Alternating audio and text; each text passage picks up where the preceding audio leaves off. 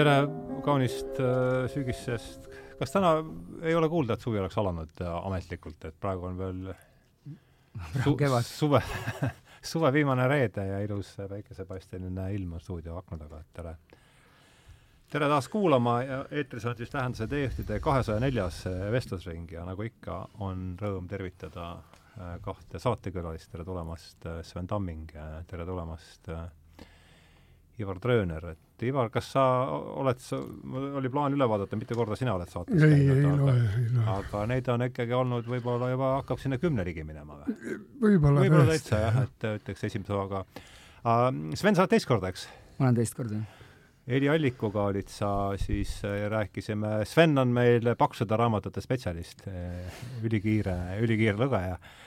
et olid siis äh, Heli Allikuga oli, mis see see oli Põhjatu raamat ja Eumeniidid, mis on niisugune korralik klots ja ja tänase saate pealkiri on siis äh, erioperatsiooni Rahu, kus me räägime äh, Lev Tolstoi samanimelisest romaanist. Ähm, ja ja ja mõlema kohta siis veel nii palju, et Ivar äh,, Ivari äh, esimene saade, kus sa olid Alar Tamminguga, see on meie eks äh, kõikide aegade oodatavus esikümnes ja ja Sveni lugu lehes äh, Kuus aastat tee-, tantsu teemonitega, mis ilmus kolmeteistkümnendas numbris äh, sõltuvusele pühendatud, mis oli pühendatud sõltuvusele, on siis meie loetavuselt, täna kontrollisin üle, et augusti järgi loetavuse kuues lugu, nii et mõlemad olete siis äh, kuigi selle järgi ja publiku magnetid, et rõõm on teid, Ei. rõõm on teid tervitada ja ma ei tea, öelge enda kohta äh, paar sõna ka sissejuhatuseks. ma alustan selle, okei okay, ma alustan, et minu rõõm on kõige suurem võib-olla selle koha pealt, et Ardo, mu hea sõber, pluss ja, Ivar ja meie sõprus on veel ju Ja vanem kui kümme aastat. ja meie sõprus on kümme pluss peale. aga just, et Ivariga sain koos olla, et me esimest korda mul on hästi meeles, kui me läksime suvepäevadele, Edmund Bergi seltsi suvepäevadele. Piklas.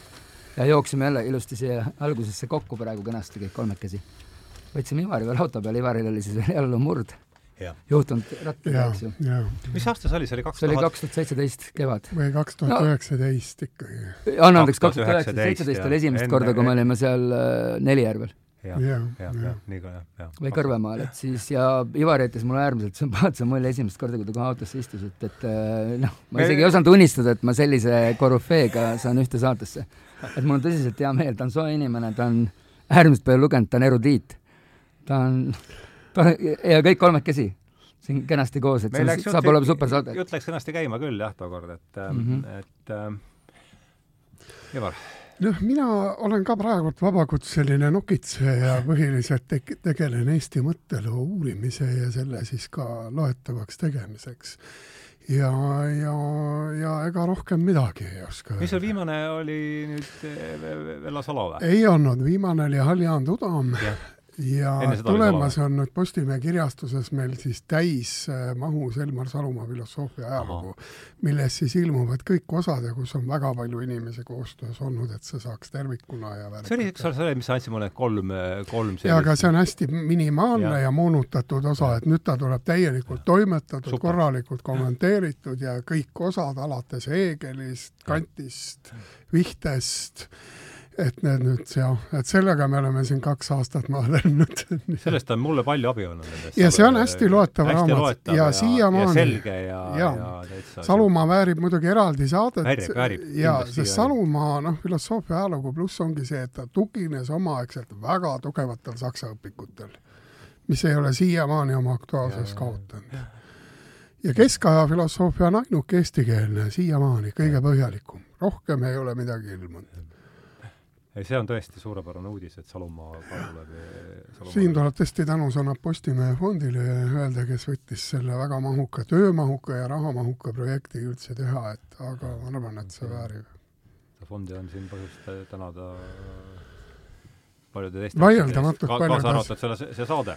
paljud olulised asjad jääks Eesti kultuuris tegemata, ka Vello Salo raamatut ei oleks saanud mitte mingil juhul selle sandi poliit-, sandi, sendipoliitikaga, mida Eestis viljeletakse, sisuliselt midagi teha, nii et.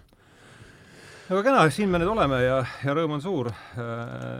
juba sealt näha lihtsalt üle tüki ajal ja pole ju ja, ja siis veel niimoodi, et sellistel asjaoludel, et äh, tegin siis saatele ka pea. äh,, panin ta siis äh, pealkirjast oli juba juttu, taustapildiks valisin, ma ei mäleta, kelle maal see oli, otsisin, igatahes otsing oli Austerlitzi lahing äh,, siis äh, kus äh, Andrei vaatab äh, taevasse, see on üks koht, mis mulle jäi seal see meelde. aga ma avatsitaadi võtsin hoopis Tammsaarelt ja, ja see tsitaat ise on järgmine, mis paneb niimoodi, märgib äh, relsid maha, et see on nüüd siis põrgupohja uuest vanapaganast. et me kasutame elektrit, aga elekter meid ei kasuta. kust me seda teame? võib-olla on just elekter see, mis ajab meid tegema, mis ajab meid kõike seda tegema, mis me tõeliselt teeme. võib-olla ei taha ükski inimene sõda, aga elekter sunnib peale, sest talle meeldib inimesega mängida. laseb teda vaest looma uurida iseend ja muid asju, laseb teda ehitada suuri maju ja sildu, laseb teha masinaid ja mööbleid, pilte ja kujusid, raamatuid ja helisid ning järgmisel silmapilgul laseb kõik purustada. et äh, äh, Tolstoi Sõda ja rahu on siis tänase, tänase, tänase jutuajamise teema ja see tuli siis sellest, et Sven ütles, et ta oli selle just läbi saanud ja, ja Tolstoi ei ole, Tolstoist me ei räägi esimene kord sarjas, vähemasti kaks saadet on olnud, üks oli Rainis Toomemaa ja Arne Hiobiga äh, Pihtimused oli minu meelest selle ja Rainis oli tõlkinud ta äh, ta päevikuid ja teine saade oli siis sellest raamatust, mida Dostojevski nimetas täiuslikuks kunstiteoseks, nimelt siis äh, Anna Kareninast et täna siis sõjast rahust ja alustame Svenist, et sinu luge-, ma saan aru, et eh, ega sa ei lugenud ju ka, mina, mina olen teda aastaid, aastaid ma tagasi selgitan jah, kaua tagasi mina lugesin, aga et noh, selgelt Sven on kõige värskema, kõige värskemalt seda lugenud ja sealt see üldse mõte tekkiski, see, see, see, see saade teha, et räägi siis, räägi muljetest, jah, et et tegelikult kui väga aus olla, et äh, ma päris nüüd ei lõpetanud, et mul siin No jah, on ma-, mahud on päris suured, mahud on päris suured ka, et sellest on ka, et nii mõnigi, nagu sina ütled, klots on läinud ikkagist, on jäänud sinna kahe, kahe kahe diivani vahele, eks ju, kuhu ma need klotsid kõik viskan, et selles mõttes kevadel ma lugesin, et just enne seda lugesin Dostojevski Kuriteo karistust uuesti, seda Mhm. ma olen paarkümmend aastat tagasi lugenud, et et nelja kuuga suur vahe seal eh, kuriteo mul oli jah, et mul ikkagist, ma üritan iga paarikümne aasta tagant või kümne, ma ei oska isegi öelda, oleneb raamatust, et üritan sellise klassika uuesti läbi võtta. Et lihtsalt meelde tuletada ja vaata, inimene areneb, et, et, et sa, see, mida sa lugesid kakskümmend aastat tagasi, on täiesti Täiesti teine, siin ei ole isegi, me räägi-, me ei räägi isegi sa-, sarnasest, see võib olla täiesti teine, et, et see käsitlus, mis me millega me, millega me ise areneme ja kui, kui palju me õpime nagu selle, sellegi juurde, et, et selles mõttes, et iga jah, paarikümne aasta tagant ma proovin ikkagist läbi võtta, et, et mul siin on plaanid järgmiseks, järgmiseks paariks kuuks ka juba tehtud, et äh, aga jaa, et on, kui sa Hardo juba seda küsisid, et tegelikult kui väga aus olla, miks ma üldse lugesin Sõda ja rahu, miks ma hakkasin seda lugema, on, on see, et äh, mulle avaldas tohutut mõju Hanna Karenina tegelikult, et Mhm. Hanna Karenina on mu absoluutne lemmik Tolstoilt et äh, ma olin ükskord haige, kaks tuhat viisteist, mul oli, oli psüühika ka siin-seal, aga tead, mul oli kopsupõletik kodus ja siis ma võtsin, mõtlesin, et peaks midagi võtma sellist, sellist mahukat äh, ja, ja sellist äh,, ma ei olnud Tolstoit talt varem lugenud. Et tundus mulle see Karenina õige valik ja noh, siiamaani Karenina on ikkagist, kui, kui, kui ma peaksin valima, valiks Karenina, ka nendest kahest, eks. ta oli veidike kompaktsem Jah. oma tegelastelt, oma, oma sisult, oma mõtetelt, tegelasi oli vähem. Tolstoi vist minu jaoks suutis rohkem panna nagu tegelaste, tegelasi elama, elama, tegema selliseid, selles kontekstis neid asju, et, et äh, millest, millest ma paremini aru sain. See ei tähenda, et Sõda ja rahu oli, oli väga-väga võimas teos. et äh, tuhat kakssada lehekülge kvaliteetset kirjandust Mm. et äh, muidugi siin on päris oluline on see, mis äh,, mis ma siin just äh, suvel lugesin äh, enne seda just Tolstoi päevikut, mis on väga oluline, kindlasti Ivar, Ivar on seda, Ivar on seda kindlasti lugenud ja, ja kindlasti tsiteerib seda meil täna veel.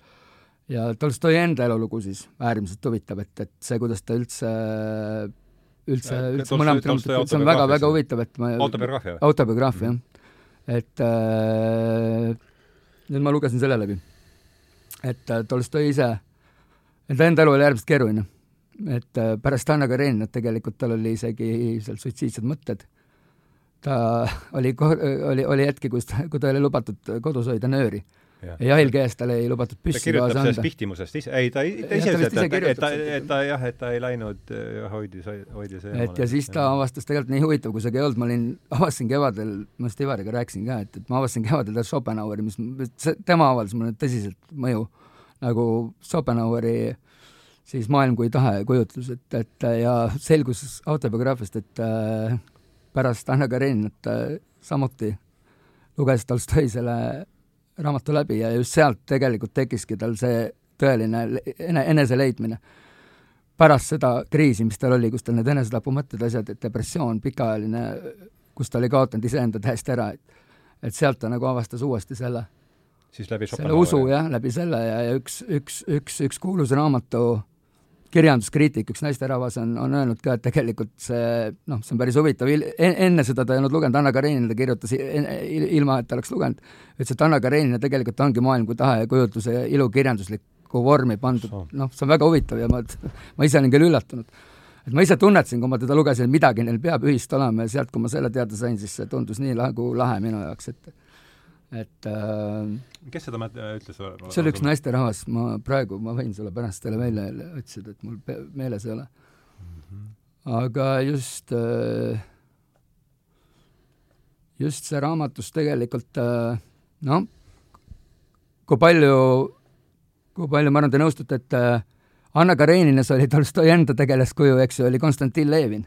siis siin ta oli, eks ju, Pierre Besuhhov, eks ja, ja, ja nad mõlemad leidsid, leidsid lõpuks selle rahu, eks ju, rahu läbi, läbi usu, läbi lihtsuse, läbi noh, tegelikult nii nagu, nii nagu Tolstoi ka enda, enda lõpuaastatel töötas koos talupoegadega, et mul tuleb see koht Anna Karenistust meelde, kus Levin,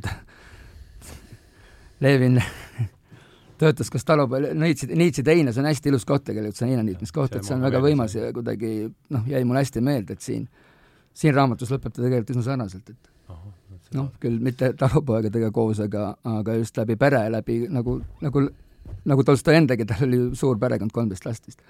et Besuhhovi samamoodi ju, raamatu lõpus on, pere on, on, on läbi selle leitud õnn, mhm. et selles mõttes, et just äh, noh, võib-olla Ivar jätkab siit no et me väga laiali ei läheks, siis natukene Tolstoi Sõjarahu et see on vaieldamatult äh, kümne maailma kõige olulisema romaani hulka kuuluv äh, teos, aga Tolstoi on äh, mitte ainult kirjanik kultuuriloos, vaid ta, teda on nimetatud ka vene kultuuris terve kultuuriareaali loojaks.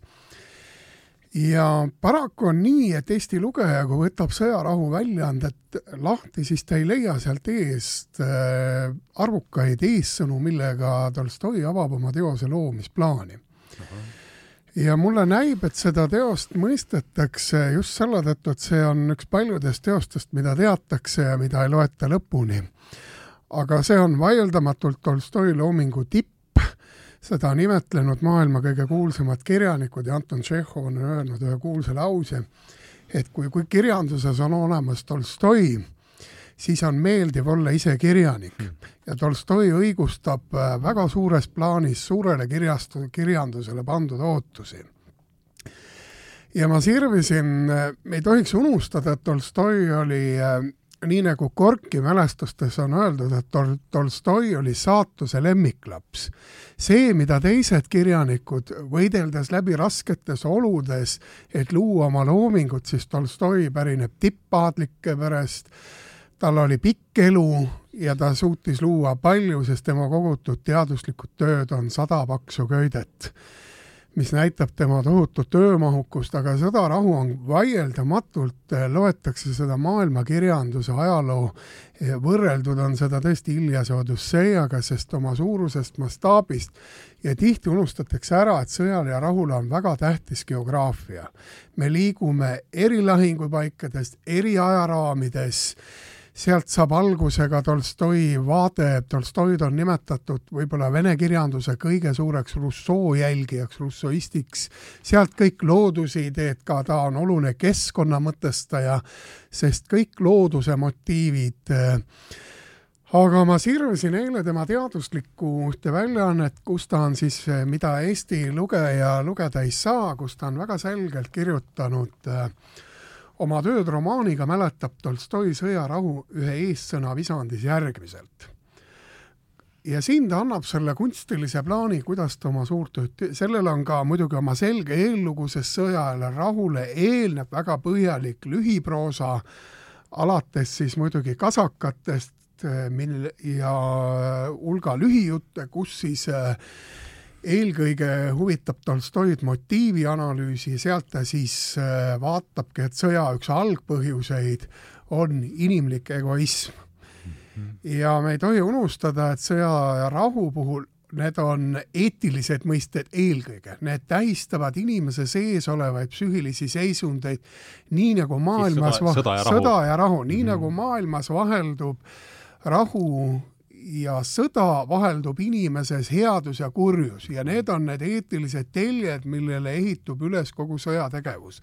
aga tulles nüüd tagasi Tolstoi visandi juurde, kus ta väga selgelt kirjutab järgmised read kord tundus mulle mannetuna mõte, millest ma alustasin, kord oli tahtmine haarata kõike, mida ma tollest ajajärgust tean ja tunnen, see on siis see periood, mille, mille, mille jooksul ta kirjutab äh, Sõja ja rahu. kord oli haarata tahtmine kõike, mis ma tollest ajajärgust tean ja tunnen. olen teadlik, et seda on võimatu teha, kord näis segavat romaani lihtlabane keel kirjanduslikud võtted sobimatu minu teose suursuguse suga, sügava mitmekesise sisuga. kord muutus vajadus si siduda väljamõeldeid kujundeid, pilte, mõtteid, mis minu isi, iseendas muutus vastumeelseks ning ma lõin käega tihti alustatud teosele ja mind haaras meeleheide, et on võimatu väljendada kõike seda, mida ma tahtsin ja mida oli vaja väljendada minu jaoks on selle romaani võib-olla moto, kõige olulisem moto see, kui Tolstoi ütleb äh, läbi Andrei õe suu läbi, sa mõistad andestamise õnne mm. ja selles äh, siin on, on palju see on Andrei õde, sa ütlesid, jah? jaa, me loeme pärast, ma lasen sul lugeda ja Tolstoi romaan on kõigepealt ajaloofilosoofiline ja seda nimetatakse jõgiromaaniks, sest kõik looduspildid, millega seob äh, Tolstoi väga selgelt oma kirjanduslikku narratiivi, ja Tolstoi kirjutab oma päevikus selle jõe narratiivi kohta järgmist. inimene voolab temas kõik temas on kõik võimalused, rumal sai targaks, kuri sai heaks ja vastupidi on inimese suurus ning seepärast ei tohi me eales inimese üle kohut mõista. missuguse inimese üle sa mõistad ta hukka, aga ta on juba teine, ei saa öelda, armasta sina, ütled, aga tema on juba teine. mõista looduse, ühiskonna, inimese vorme, mis tähendab mõista paratamatust. seda pole inimesel just palju antud, aga on neid, kes on kord mõistmiseni jõudnud ja on saavutanud vabaduse. ja kui me mõtleme, et Tolstoi jaoks on ka sõjas ja rahus kesksed mõisted tõde ja headus. ja, ja kui võrrelda tõe mõistet Tolstoi ja Dostojevski teoses, siis Tolstoi teostes üldjuhul jõutakse tõeni äkilise avastuse kaudu ja kui me mõtleme Dostojevski teostele, seal jõuavad inimesed tõeni läbi kannatuse väga, väga raskete situatsioonide kaudu mm. -hmm. aga Sõda rahu on tõesti väga panoraamne teos ja kindlasti ma soovitan, kes tõesti tahavad äh, äh, tõelise haridusega tegeleda, siis Tolstoi Sõda rahu peaks olema kindlasti lugemislaual ja soovitan iga kümne aasta tagant uuesti üle lugeda, et äh, Tolstoi vaimsed kujundid elustuksid, sest maht on suur ja see, mida Tolstoi tõesti üles ehitab, sest üldiselt jah, Tolstoi uurijad ikkagi peavad kõige olulisemaks Tolstoi loomingu osaks tema romaane ja muidugi mõningaid lühijutte. kõik need päevikud, kõik need tohutud kirjad, mis moodustavad enamus osa tema teaduslike või kogutud teoste välja, need on täiesti sekundaarsed ka Tolstoi usulised tekstid, mis on sellised võitlevad protestani-, noh, ta oli ka Vene kiriku võib-olla kõige tuntum protestant mm. -hmm. aga ka siin Sõjas ja rahus ava-, avalduvad piibli motiivid väga tihedalt, aga seda ja sellest juba hiljem mm. -hmm hästi, aga ma küsiks siis niimoodi, et teeme siis kõik ringi, ringi peale, et mis jäi eelkõige romaanist meelde sulle? Väga raske on tegelikult praegu seda sest ma, ma tean, mis mulle jäi, mul on kauem läinud, aga ei, neid üksik-, hästi ilusaid palju on üksikuid kohti, just see koht, kus äh,, millest oli just jutt, kus äh, kus Andrei vaatab äh, pärast seda esimest lahingut, see oli vist, oli, kas see oli Austerlitzi lahing, eks? vaatab, kui ta pärast avata saamist vaatab taevast ja, ja siis meenutab oma, oma naist. et see oli üks hästi-hästi ilusaid kohti, teine koht muidugi, kus Andrei on juba suremas ja siis ta, siis uuesti ta, pruut, äh, no nad and-, and-, andestab talle või ta andestab oma, oma pruudile Natašale, et arvestades, mis, millega ta seal noh, mis, millega ta vahepeal hakkama selles mõttes on saanud, et et seal, seal on üksikud kohad ja kus, kus ta, kus võib-olla jõuab, ma ei tea, kui pikalt, kui pikalt ma nüüd siin võin pikemalt rääkida. no räägi natuke. seal on üks, kaks päris lahedat tegelast, on see Dolohov ja Kuragini poiss, et on sul see meeles, kuidas Anatol Kuragin, eks ju, nad on sellised üsnagi noh, Tolstoi ise ütleb ka nende kohta, nad on sellised maragratid ja paaritid. no kohe neljakümnendal kuskil neljakümne, neljakümnendal leheküljel on see koht, kus, kus käib hirmus, hirmus, hirmus pummeldamine ja pressimine, kus äh, nii nagu ikka vene kirjanduses hea, heades kohtades on see koht, kus, kus on kihlveod ja seal on see Bezuhhov tuleb just uksest sisse, kus on kihlvedu selle peale, et Dolohov jääb kihla selle peale, et ta joob, joob kolmandal korrusel jalad, jalad siis rippu joovad, joob puder rummi, liitrise rummi, rummi a la joob, joob ühe sammuga ära ja kõik see, mis mis kaniteel selle, selle ümber lahti läheb, et, et see on hästi kihvt koht ja hoop selle lõpuks ära võidab. kihlvedu käib ühe tema ja ühe mööduva täiesti suvalise meremehe vahel a la. ja siis, ja siis ja pärast seda juhtubki see, kus nad seovad veel karu kinni politseinikuga sinna kuskile Neeva jõkke. oota, mismoodi karu kinni politseinik? noh, karu, leiavad mingi karu, karupoja või kus kellelgi on see kaasas ja siis seotakse karu koos politseiga kinni. politseinik politsei jah, reaalselt ja pannakse sinna Neeva jõkke ujuma ja, ja, ja., ja siis see koht muidugi, kus pärast seda saadetakse Pierre saadetakse asumisele ehk siis Peterburist seltskonnast nagu välja. anna mulle esimene osa palun, ma ja seal, seal on see a la nelikümmend, vaata selle, see on kuskil neljandal leheküljel, see jäi mulle nagu väga hästi meelde, tegelikult need episood küll. see Anatol Kuragin hiljem äh, Kosto-, Kostoloviga, nad noh, Kuragin on selline tegelane, kes, kes, kes, kes seltskonnas äh, paneb naisi endasse armuma. No,, nii nagu need tegelased ikka, eks ju. Ja, ja eks tal on seal palju neid afääre. Ja siis äh, lõpuks, kui tegelikult on nad äh,, on Natasha Rostova ja, ja Andrei on kiilatud, siis tegelikult äh, Kuragin korratab siis selle pruudiröövi, eks ju. paneb paari kirjaga ta armuma ja noh, totaalselt, pea on segi Natašale, eks ju, ja siis Nataša otsustab mingil hetkel põgeneda. ja siis see koht muidugi, kuidas nad põgenevad, on ka meeletu läbi Vene avarust, et see tuleb, ta tuletab mulle kindlasti meelde kohe seda doktor Živagot, seda metsikut vene, just need ilusad lood, mida ennist Ivar rääkis, et, et Tolstoi on ilus looduspiltide kirjeldaja. see, kui nad saaniga nagu mööda, mööda Venemaa avarusi metsi ringi, ringi sõidavad ja seal aetakse nii mõnigi inimene alla, kusjuures Moskva tänavatel täiesti noh, nii et nad on ikka tõ tõsised, tõsised maragratid. ja see, see andestus ja mis tegelikult äh, Andrei ju andestab siis enne surma, teades, et ta ise tunneb, et noh, eks tal ei ole palju enam elada jäänud ja, ja ja Natasha põetab teda ja siis nad tegelikult üksteisele andestavad. et see on väga ilus koht mm.. et, et võib-olla tooksin sellised kohad. ja muidugi kogu see Pierre'i, Pierre'i tegevuse algusest, eks ju, et et siis Pierre'i areng. alates kohad, kus ta võetakse vabamüürlaseks, on väga huvitav koht, eks ju. et on sul, sul ei ole see meeles, jah? Noh, ta ju tegelikult lubab enne seda, kui need esi-, kui, kui see esimene pummelung toimub, ta annab tegelikult oma parimale sõbrale, Andreile, nad on ju Andreiga parimad sõbrad, annab talle tõotuse, et ta mitte kunagi ei lähe enam linna peale, linna peale möllama, et, et siis tegelikult ta ju murrab kohe momentaalselt selle lubaduse.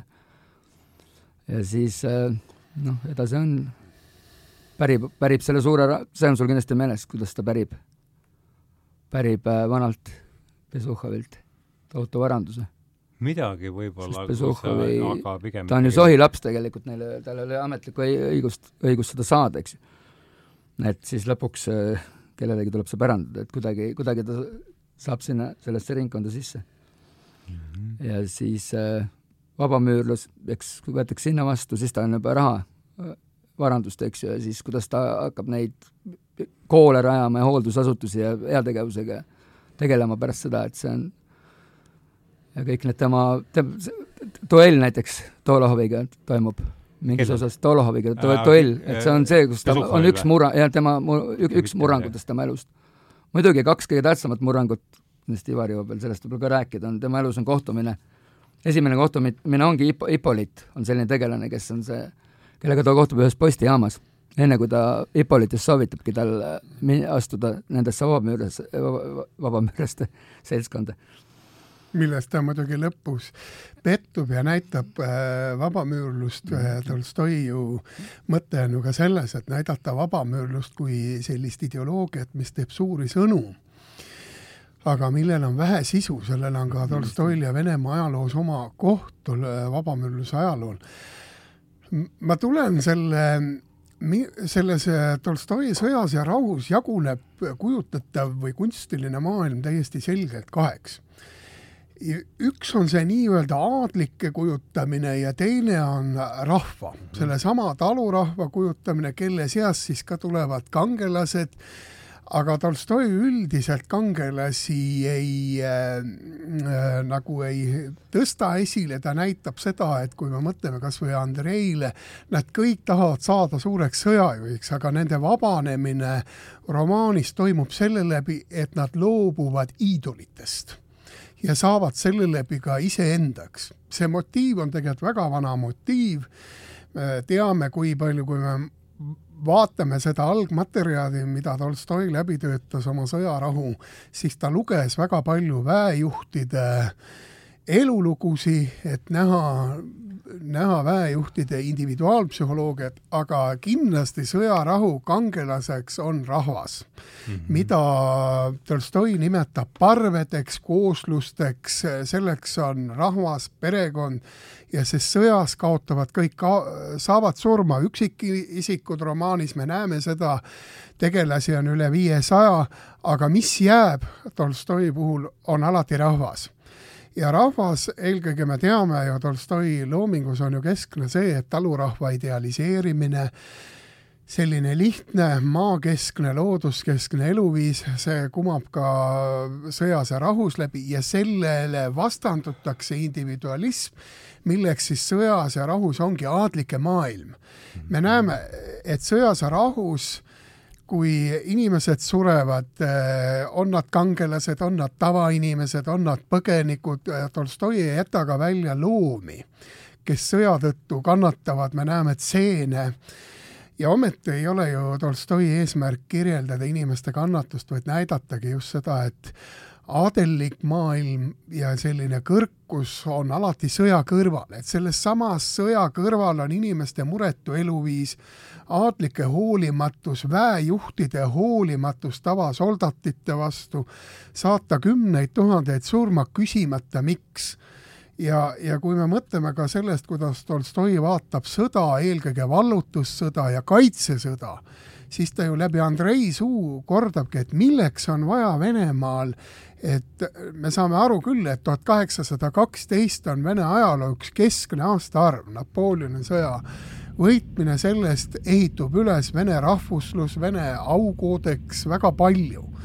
aga Tolstoi siiski küsib, et mis on selle sõja mõte, me näeme need ja ometi need arvukad tegelased, kes te romaanis seal esile, neid ei jõua siin neid süžeekäike esile tuua, romaan on liiga pakk selleks ja liiga andmetihe, aga nad kõik moodustavad mingis mõttes indiviid, oma individuaalsuse ja Tolstoid just eelkõige huvitabki vaadelda laiemalt just sõda kui ajaloo filosoofiline nähtus, et tegu on ikkagi ajaloo filosoofilise romaaniga, kus ta vaatab ajalooprotsessi, see, mida teeb ajalugu inimesega, mida teeb ajalooprotsess sõjajuhtidega, mida ta teeb äh, väikeste inimestega, et sõda on kahtlemata Tolstoi jaoks, annab tõesti edasi inimese meeleseisundeid ja ühtviisi muidugi sõda ei kaunista inimloomust ja näitab selle inimloomuse kõige mustemaid külgi, aga sealsamas sõjas kasvab ka välja tõeline armastus inimeste vahel. et kui me mõtleme vürst Andrei äh, Tolstoi üks mõte on armastus segab surma. Ja selleks on äh, Sõja ja rahu üks keskne tsitaat, ma loen selle ette see on neljandas osas, kui romaan hakkab lõpuni jõudma ja Andrei on mõistnud nii sõja mõttetust, inimelude hävitamismõttetust, ka seda, et sõjas kaotavad mitte ainult inimesed elu, vaid kaotavad õiguse normaalsele elule, lapsed äh, lapsepõlvele, inimesed ei saa ennast teostada, ühiskond kaotab palju.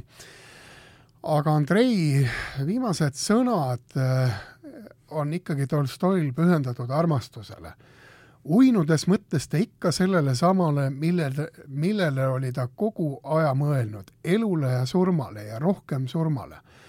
ta tundis end sellele lähenevalt olevat, armastus, mis on armastus, mõtles ta. armastus segab surma, armastus on elu. Kõike, kõike, mida ma mõistan, mõistan ma ainult sellepärast, et ma armastan kõik on, kõik eksisteerib vaid sellepärast, et ma armastan, kõike seob vaid armastus. armastus on Jumal ja suremine tähendab minu ja armastuse osakeste tagasipöördumist üldise ja igavese lätte juurde.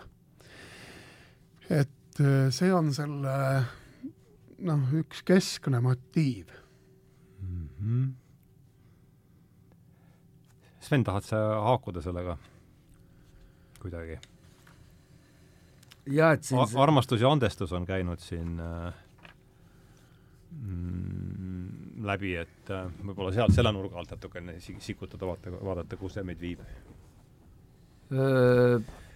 Jaa, et äh, just tegelikult äh, Ivar ütles just äh,, puudutas õiget nuppu, et äh, et teine koht oligi kui, kui Pierre tegelikult, teine totaalne murre, kui, kui toimub tema elus, on, on, on on kohtumine siis juba, kui ta, see on juba pärast, pärast lahingut, pärast Brodoni lahingut, kui ta kui ta on kinni võetud, kui ta on vangistuses prantslaste, prantslaste käes. sa räägid nüüd äh, ma räägin Pierre Besuchovi tagumist osast, siis ta tegelikult kohtub äh, seal äh, vangis olles ühe, ühe hästi lihtsa, lihtsa, lihtsa talupoja, kelle nimi on äh, Platon Karat-, Karatšev oli vist ta nimi mm, -hmm. et sealt ta tegelikult nüüd murdub, murdub nüüd lõpp, selles mõttes lõplikult nagu tema, tema ego ja kõik see in-, inimlikku seadus ja armastus, kõik see, kus ta nüüd, see viimane mure toimub just pärast seda ja, ja pärast Karatševi, see Platon tapetakse tee peal ära, prantslased lasevad ta maha. nii nagu need väga paljud, paljud mahajääjad, noh, pole midagi teha, see on sõda. nii nagu see sõjaplaanilt, Ivar ütles väga hästi ennem, et see tegelikult raamatus väga, väga palju on niisugust, niisugust nagu äh, hüppeid suurelt plaanilt väiksele plaanile, suur plaan on siis sõda, eks ju, just see, kuidas ta hüppab suurelt plaanilt, kuidas ta tegelikult selline tunne, et ta kirjeldab sõda nagu juba, see raamat on nagu hiljem, sõjaosa on nagu hiljem kirjutatud lihtsalt nagu tuimalt, selles mõttes tuimalt, et noh, ta on teadlikult niimoodi kirjutatud, me vaatame seda sõda nagu lihtsalt niisugust tuima suursündmust, eks, ja siis ja, ja sealt otsa, otsa hüppab inimeste nagu igapäevaellu. et see kontrast ongi nagu väga-väga võimas, noh. inimeste elu, armastus, kõik see, see, mis on sinna rüütatud sellesse tege-, tege-, eks noh, see, raamatus on aristokraatide, aristokraatlikusse nagu sellesse vormi, on ju, et enamalt, enamalt jaolt on raamat ikkagist aristokraatide elust, eks. ja just see üks koht, see Platoni koht on nüüd üks, üks kohtadest, kus, kus, kus nii nagu Ivar ütles, tegelikult just see tõeline õnn, tõeline rahu leitakse läbi, läbi siis selle lihtsuse läbi. noh, nii nagu ma alustasin ka oma juttu, nii nagu leiab Konstantin Levin, noh, see on võib-olla minu jaoks veel või mõnes mõttes veel võimsam et seal on neid tegelasi vähem, seal ta suudab tegelikult nendele tegelastele minu arust rohkem keskenduda nendele, nende olulistele, aga loomulikult äh, Sõda ja rahu on natuke teises, teises kontekstis kirjutatud ka, eks ju. et selles mõttes ikkagi see õnn, õnn leitakse läbi just selle lihtsuse läbi, läbi, läbi äh,, läbi, läbi, läbi noh, samamoodi ju tegelikult äh, leiab nii nagu Konstantin leiab oma Jumala. tegelikult just lihtsuses, lihtsuses siin Pierre leiab sellesama perekonnas, eks, perekonnas ja, ja ja samamoodi leidis ju Lev selle, Tolstoi ise, eks kes nii nagu Ivar ütles, et, et ma võib-olla alguses ruttasin ise, iseenda sündmustegevust ette, et tegelikult ta oli tõesti jõukas, jõukas inimene, ta oli ju, tal oli, ta oli sündinud tegelikult, tal oli jõu-, jõukas, jõukasse aristokraadi perekond, eks ju, et et tal just, just, just, just tema, tema enda elu, need depressioonid ja sealt omakorda leidmine läbi, noh, nagu ma ütlesin, selle Schopenhaueri. et kõik, kõik need näed, noh, no me võime pärast arutada seda, mis Tolstoid mõjutas ja miks ta jõudis nende vaadeteni, kuhu ta jõudis, sest on tõesti gigantne kuju maailma kult-, kirjandusloos.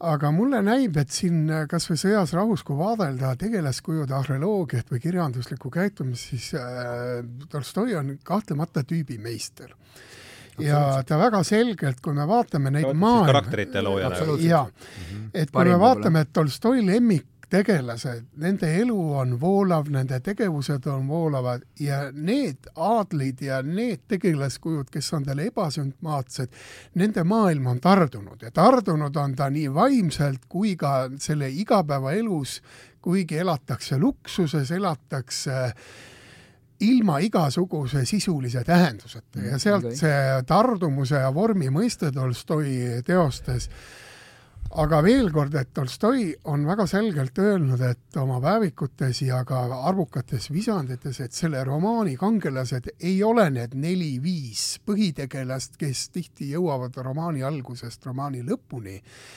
vaid ühes visandis ütleb ta väga selgelt, ma eile õhtul samuti tõlkisin Eesti lugeja, kuulaja jaoks, Tolstoi ühel mustandil väga selgelt ta kirjutab, mitte Napoleon, mitte Aleksander ega Kutuzov ei saa minu kangelasteks. ma kirjutan oma romaanis inimestest, kes on vabamad, kui seda on riigimehed. inimestest, kes elavad kõike, kõige soodsamates elutingimustest, inimestest, kes on vaesusest ja vaimupimedusest üle kes on sõltumatud inimestest, kellest ei leia neid puudusi, mis on vajalikud selleks, et jätta oma individuaalne jälg ajaloo ajaraamatu lehekülgedele.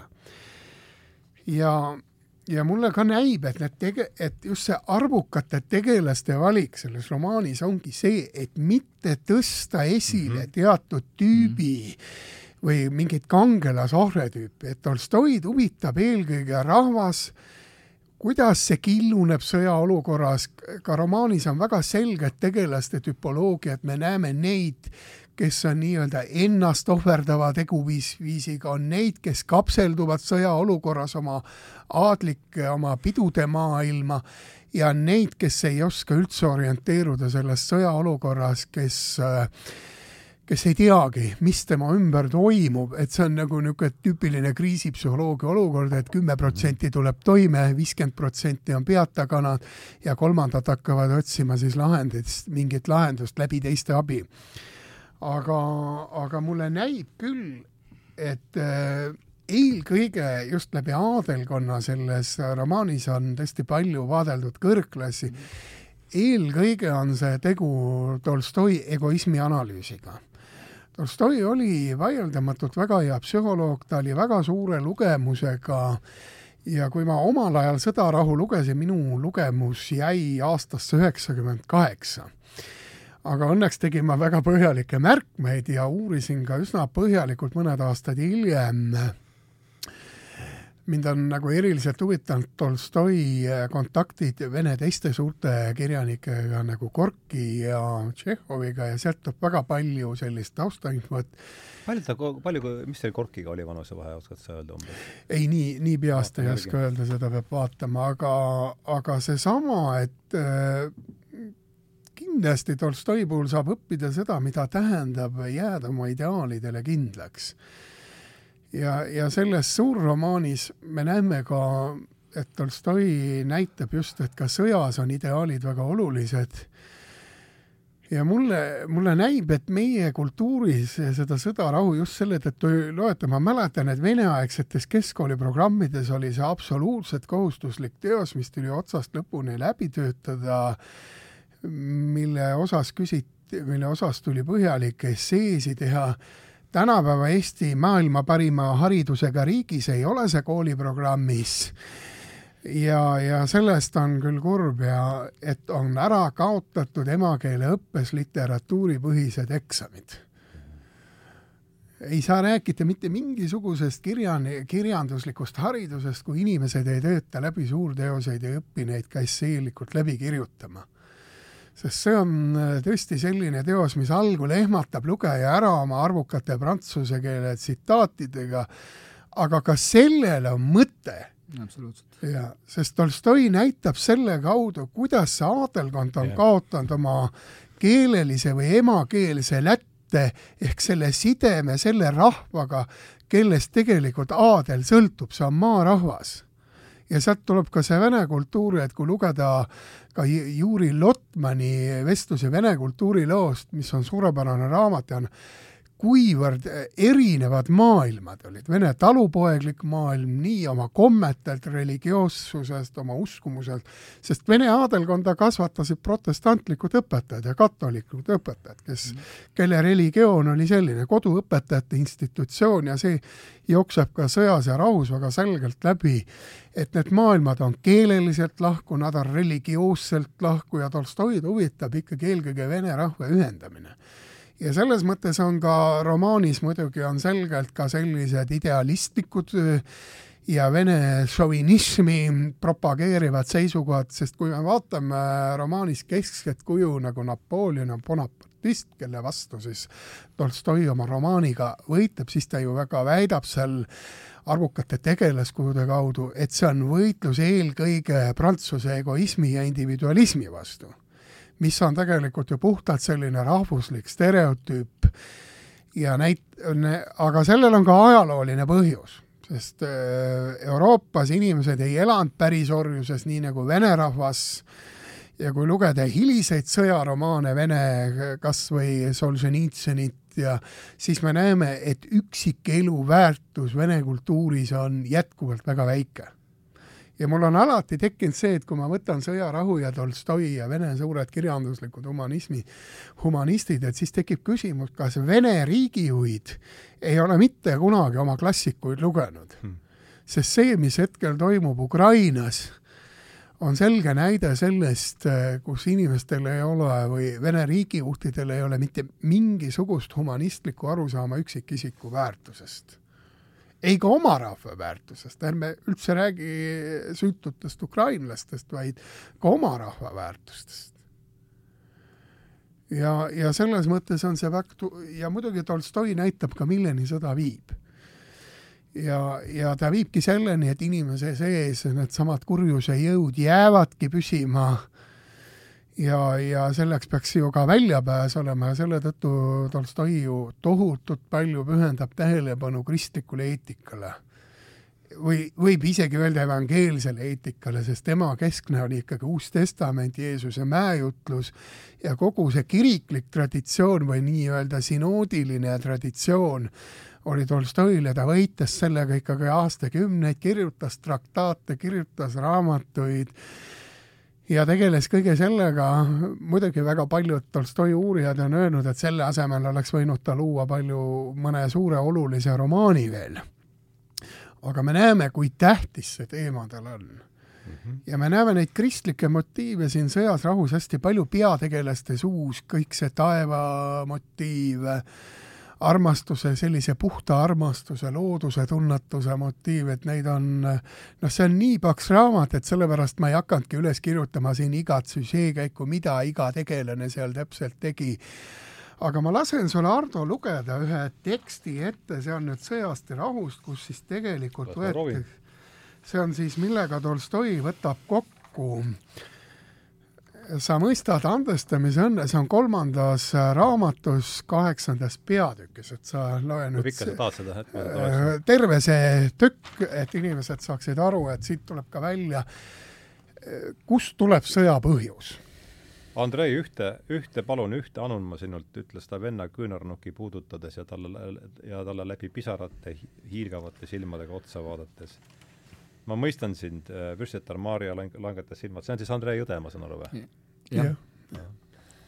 ära mõtle, et hädad on inimeste kätetöö, inimesed on tema tööriistad. ta vaatas vürst Andrei peast natuke kõrgemale kindla harjunud pilguga, nagu vaadatakse tuttavat näopildi kohta. hädad on tema, Jumala, mitte inimeste saadetud. inimesed on tema tööriistad, nemad pole süüdi. Kui sulle näib, et keegi on sinu ees süüdi, siis unusta, siis unusta see ning andesta. meil pole õigust karistada ja sa mõistad andestamise õnne, see käis läbi siit, eks ole, varem. kui ma oleksin naine, siis ma teeksin seda, Marie, see on naise voorus kuid mees ei tohi ega saa unustada ka andestada, ütles ta. ja kuigi ta selle hetkeni ei mõelnud Kuraginile, ärkas kogu välja, välja valamata viha äkki ellu ta südames. Kui juba vürstitar Maarja ma-, manitseb mind andestama, siis tähendab, oleksin ma ammugi pidanud karistama, mõtles ta. ja vürstitar Maarjale enam, enam vastamata hakkas ta nüüd mõtlema sellele rõõmustavale kurjale silmapilgule, millal ta kohtab Kuraginit, kes, nagu ta teadis, viibis sõjaväes. vürstitar Maarja palus venda veel üks päev oodata, rääkis sellest, et ta teab, kui õnnetu oleks isa, kui Andrei ära sõidaks ilma temaga leppimata. Kuid vürst Andrei vastas, et arvatavasti tuleb tal sõjaväest varsti jälle, et arvatavasti tuleb ta sõjaväest, sõjaväest varsti jälle koju et ta tingimata kirjutab isale ja et mida kauemaks ta nüüd jääks, seda teravamaks muutuks see tüli Jumalaga, Andrei, pea meeles, et hädad on Jumalast ja et inimesed pole iialgi süüdi.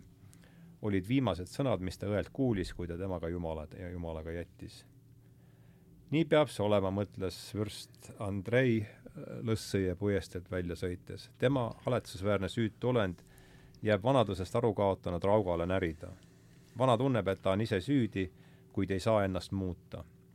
mu poeg kasvab ja tunneb ja tunneb rõõmu elust milles ta saab olema samasugune nagu kõik teisedki. kas peteta või petja, mina sõidan armeesse, milleks? ma ei tea isegi ja soovin kohata meest, keda ma põlgan, selleks, et anda talle võimalus mind tappa ja mu üle naerda.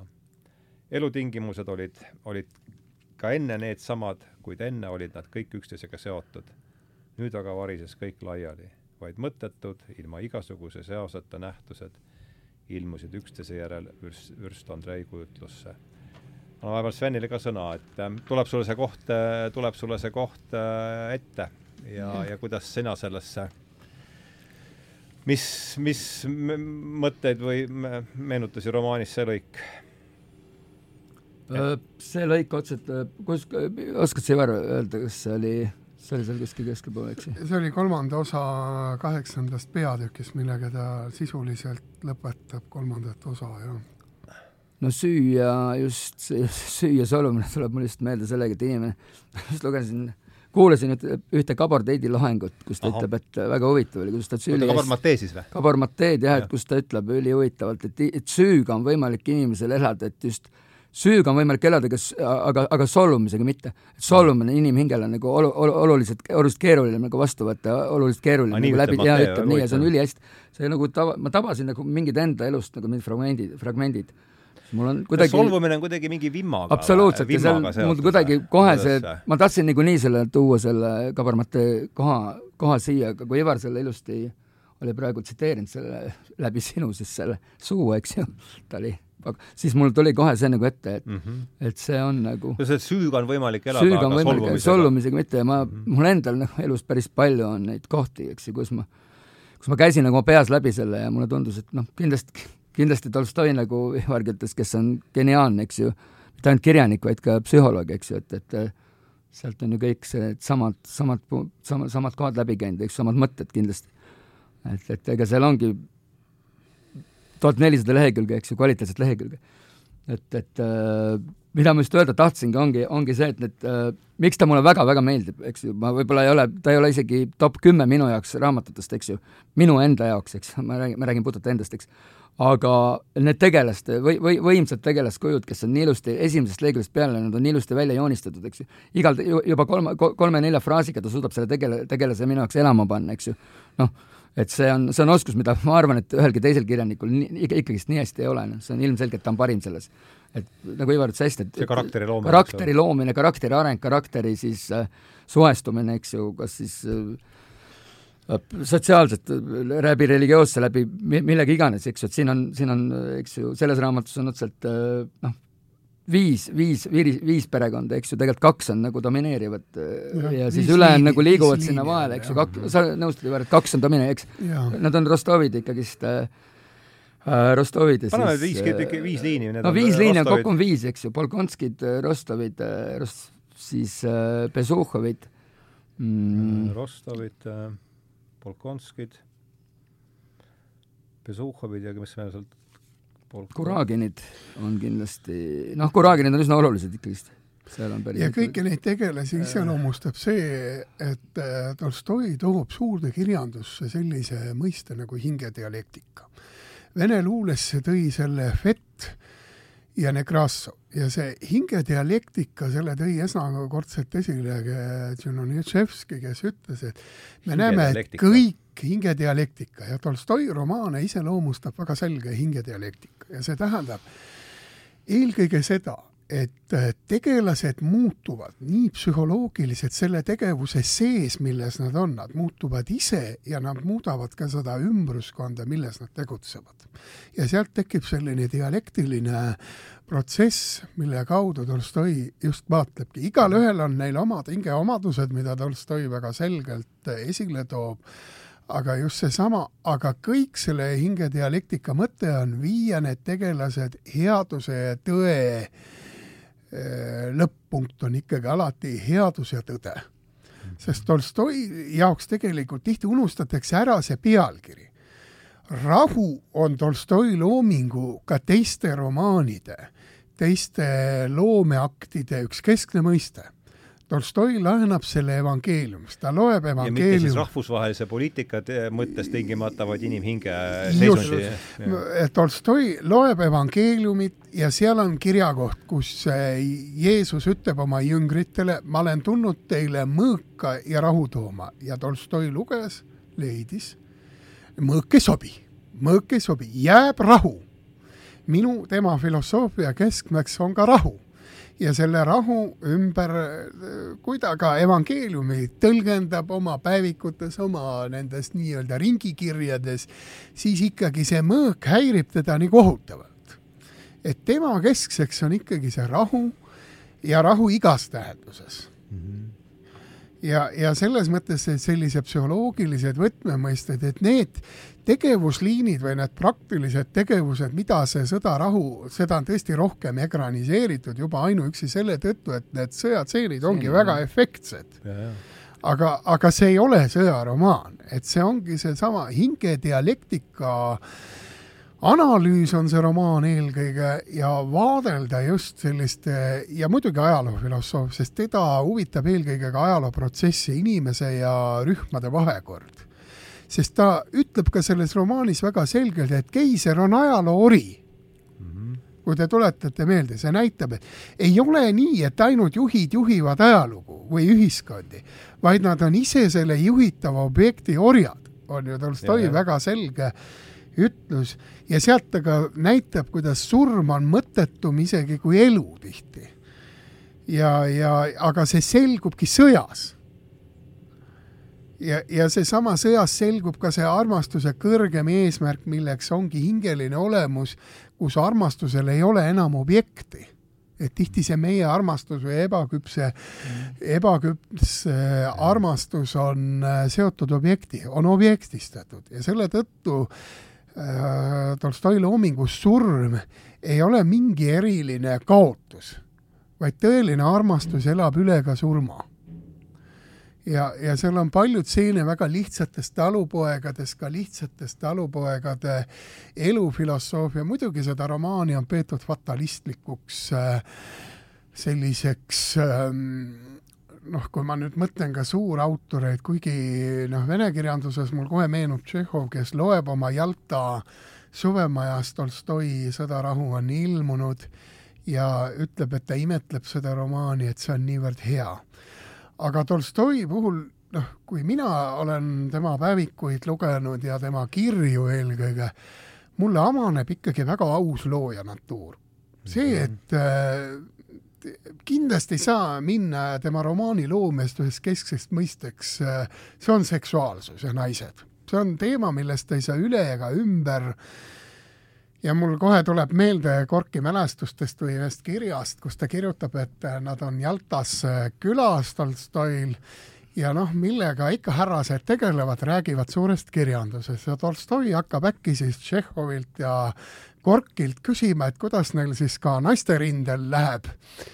Vana avetunud Tolstoi, kes on kirjutanud terve Venemaa religioosseid traktaate täis, õpetanud rahvast ja no kaks härrast meest, juba suured kirjandustegelased, äh, Tšehhov täiesti punastab ja siis Tolstoi jätkab, et mulle ikka Tšehhov meeldib, ta käib nagu kena preili ja Gorki pöörab oma pun-, juba punase näo eemale, ütleb, ta ei saa aru sellest, tal on raske mõista Kor-, äh, Tolstoi puhul selliseid seksuaalseid motiive, see on või teema, millest te räägite.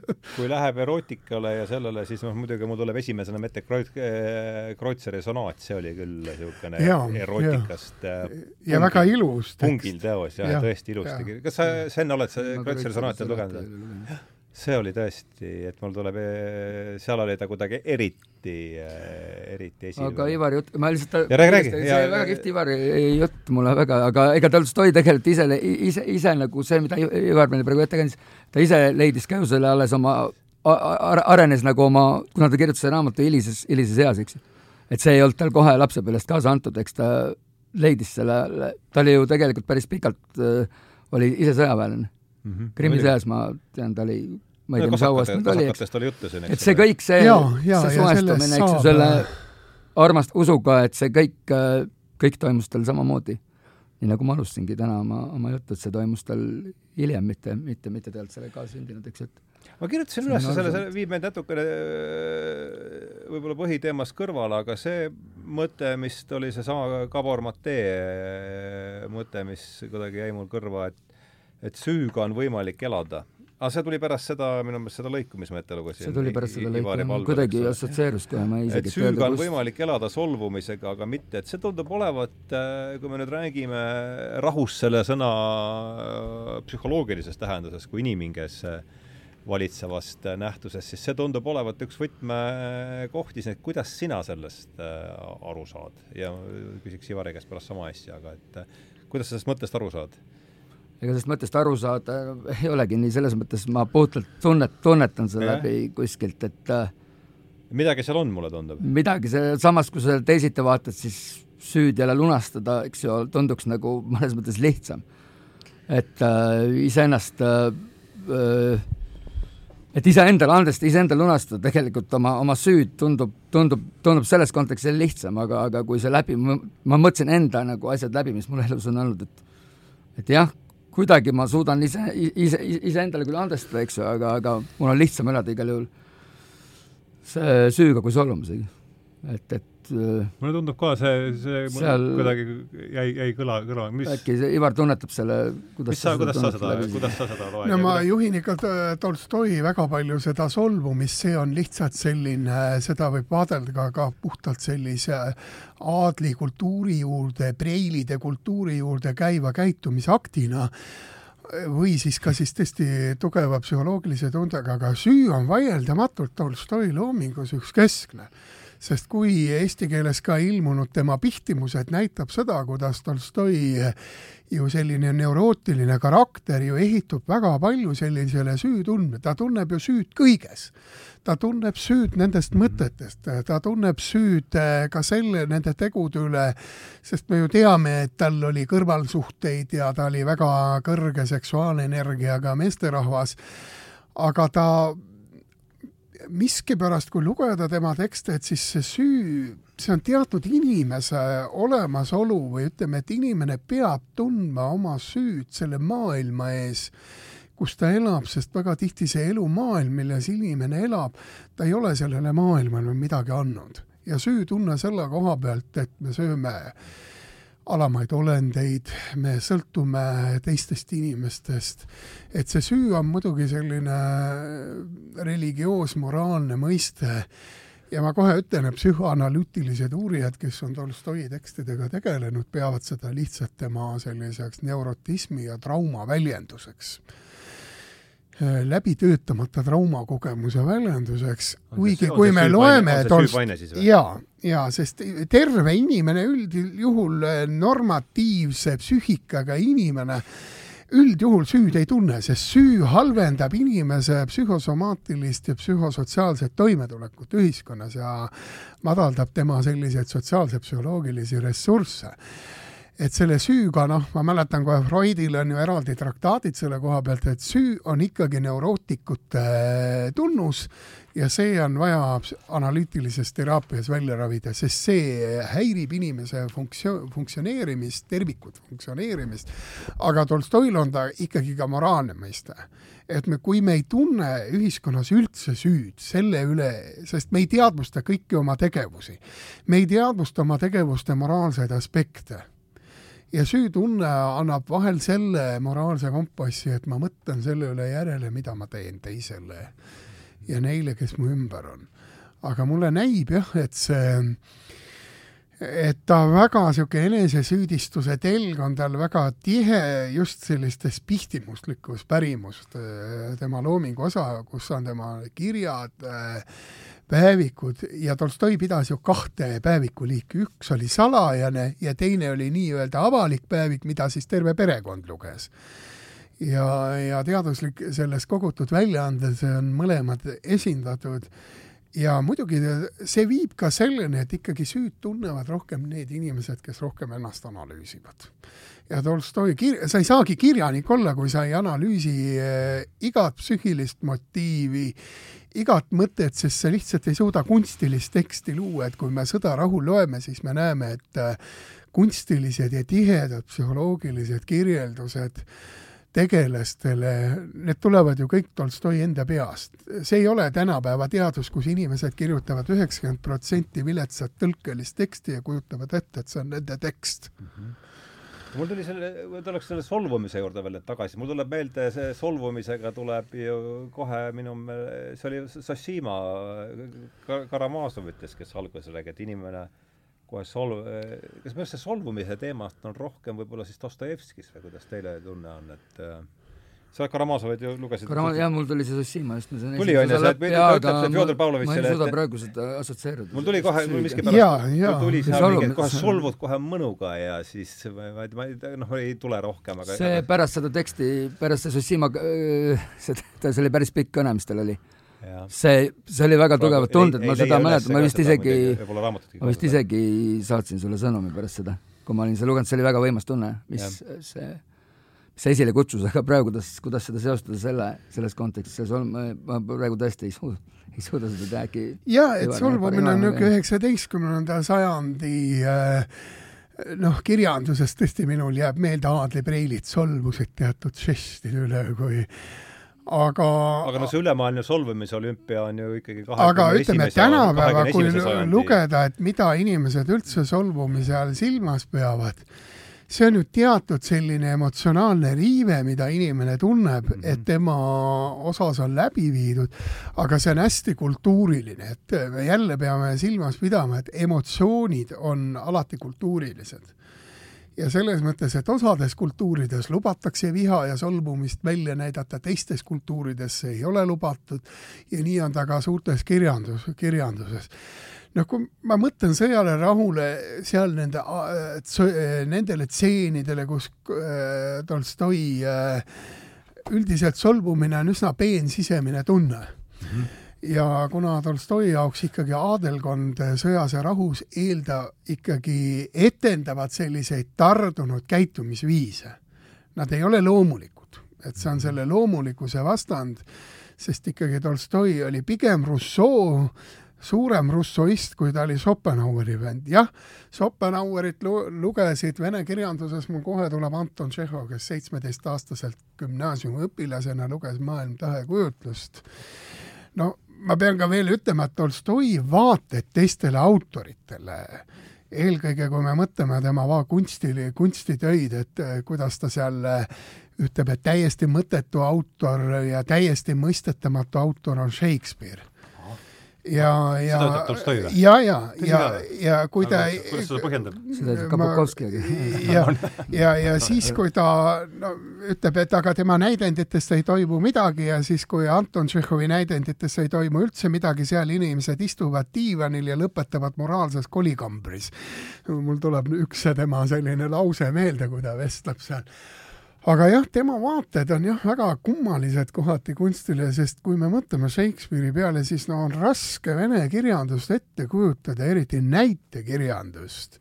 ma tean, et Jelena Skulskajal on nüüd tulemas väike raamat, kus ta vaatab väga põhjalikult äh, Shakespeare'i rolli vene kirjanduses sest noh, Hamleti ja kogu, no see, see on täiesti võimatu mõtestada nii Pasternaki, kes oli ka Shakespeare'i üks tõlkijatest vene keelde, ja, ja et noh, tema vaated kunstilise kunst-, on üsna vanamoodsad. Ja, ja ka Sõja, Sõda, rahu on vanamoodi romaan, esitab mod-, eelmodernseid vaateid inimestele, isikutele ja muidugi on ta tüüp, et ka sellised mustvalged jooned, et tal on väga selge, romaanis on väga selged tegelaskujud, kellele ta jagab sümpaatiat, kellele ta ei jaga sümpaatiaid ja sellest lähtuvalt ehitab ta ka üles tegelaskujude narratiivi.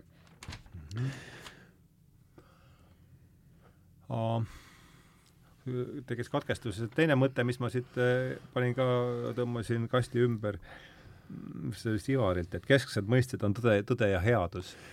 ja võtame see Svennil praegu, et et aga et mis mulle eriti eh, pakkus huvi, et Tolstoil jõutakse tõeni läbi, ütlesid, et see on mingi äkilise äratundmise, et eh, Dostojevskil läbi kannatust. Ja sa ütlesid, et sa olid just, oled, kas sa oled selle, oled sa selle mõttega nõus ja, ja sa ütlesid, et sa olid just eh, Kuritööd ja karistust lugenud, et see tundub olevat ka huvitav asi, mis jäi kõrva, võtame eh, niimoodi tasakaalu huvides Svenilt.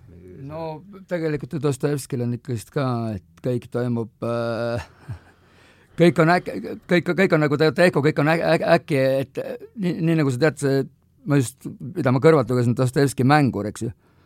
et äh, seda ma ei ole lugenud. kus ta või siis selle Tsõpkini raamat Dostojevskist, kus ta kirjutab Dos- Dostojevski mänguri sõltuvusest, eks ju. kus kõik, suvi Baden-Badenis, eks ju, kus põhimõtteliselt kogu raamat on üks, üks ühest, ühest lausest kokku pandud, see oli hea raamat, on ju? tohutu hea, hea voolavus ütle autor ja veel. Tsõpkini on, ta tegelikult oli minu, ja minu teada ta oli autor, autor avastati alles pärast tema surma või Mhm. vähemalt see nii oli kuidagi nii, et mm. -hmm. et seda, ta ei olnud üldse kuulus, ta oli pigem, kas ta oli ka arst, kui ma ei eksi, Tšehhov, eks. Et äh, nii palju, kui ma, mul tuleb just Lotmani loeng meelde, kus tegelikult ta ütles, et Dostojevskil oli samamoodi see, et äh, kogu see mänguri teema, eks ju, et äkki juhtub ä,, ä, ä, äkki see saab olema, on ju. et, et kõik see teema just jookseb minu jaoks võib-olla Dostojevskil samamoodi, äkki. et, et nii palju, kui mina seda praegu mõtestan, eks ju.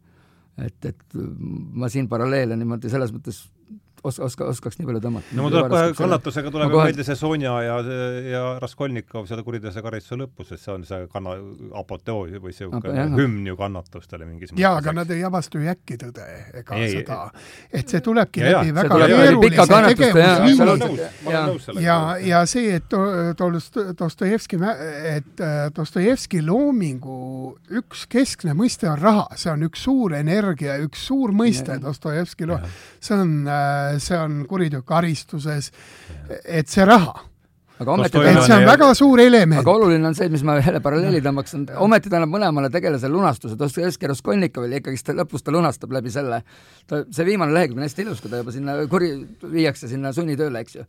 Ta ju kujutab endale ette, ta teeb selle sunnitöö läbi, ta lunastab mm, -hmm. ta saab armastada uuesti seda Sonjat, eks ju, ja samamoodi pakub lunastust mõlemal nii, nii, nii Sõjas rahus kui siis Anna Kareninas mm. -hmm. oma peategelased, nii et tegelikult kõik kolm tegelast, vastates ka kaks, kaks siit, me võtsime kaks Tolstoilt ühe siis, ühe Dostojevskilt saavad ju oma lunastuse tegelikult kätte, mis on siis minu jaoks praegu vene kirjanduse üks väga ilusad osased.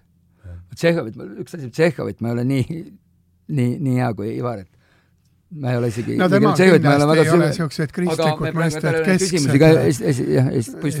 et temal kindlasti kristlikud mõisted kesksed ei ole, kuigi motiive on motiiv palju on, aga jah, kesksed ei ole, motiive on palju, jah. aga ikkagi see, et, et, et et äh, siis äh, Tolstoil jõuavad tegelased äh, tõeni äh, äkki, se-, se-, sellega ma olen nõu-, täiesti nõus, et, et Dostojevskil käib ta läbi selliste kannatustega, et anna sellele poolele palun natukene no, liha juurde luulda no,. selles mõttes, et siis peaks nagu rohkem veel teda lugema, aga üldjuhul jah, no millegi ma... pealt sa ütlesid seda? jaa, ma lugesin ühte suurepärast Tolstoi tõlgendajat, kes seda väitis, et Aha. just see Tolstoi, Tolstoil on hästi keskne tõemõiste. ja, ja, ja kui vaadata tema tegele-, noh, kui me mõtleme sellele, et noh, see tõde on alati ikkagi kristlik tõde, et selles mõttes, kuigi ta ka väga imetles budiste, et äh, mul tuleb tema eluloost kohe meelde see, et äh, kui ta oli haiglas, siis ta nägi seal ühte peksa saanud burjaati, kes oli budist ja ta küsis, et miks sa vastu ei löönud ja siis ta, noh, see burjaat oli öelnud, et see, see ei lahenda ühtegi probleemi ja sealt tuleb muidugi Tolstoi vägivallatuse õpetus.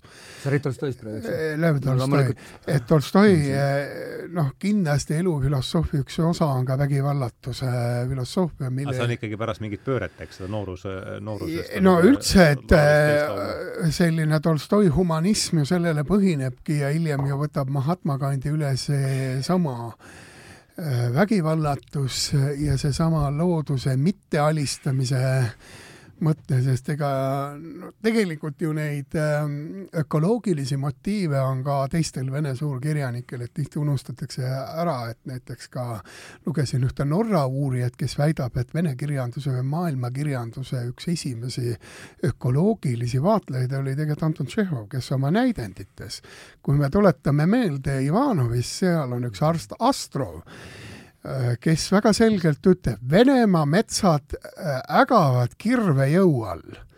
Ja tal on kohe projektid selle kohta, kuidas uusi puid istutada, kuidas, äh, kuidas metsa hooldada. Ja see ei huvita neid teisi tegelasi absoluutselt, ta tunneb tõsist muret selle üle ja me näeme seda ka ju äh, teises näisendis, kus on ju täpselt samamoodi kui egoistlik professor, kes räägib maamaja müümisest, metsade raiumisest ja neid ökoloogilisi motiive on hästi palju ja eriti muidugi äh, Tšehhovi hilise loomingu üks tipp või keskse loo on jutustustepp, kus läbi lapse silmade avaneb meil see looduse ilu ja selle tähendus üldse elule.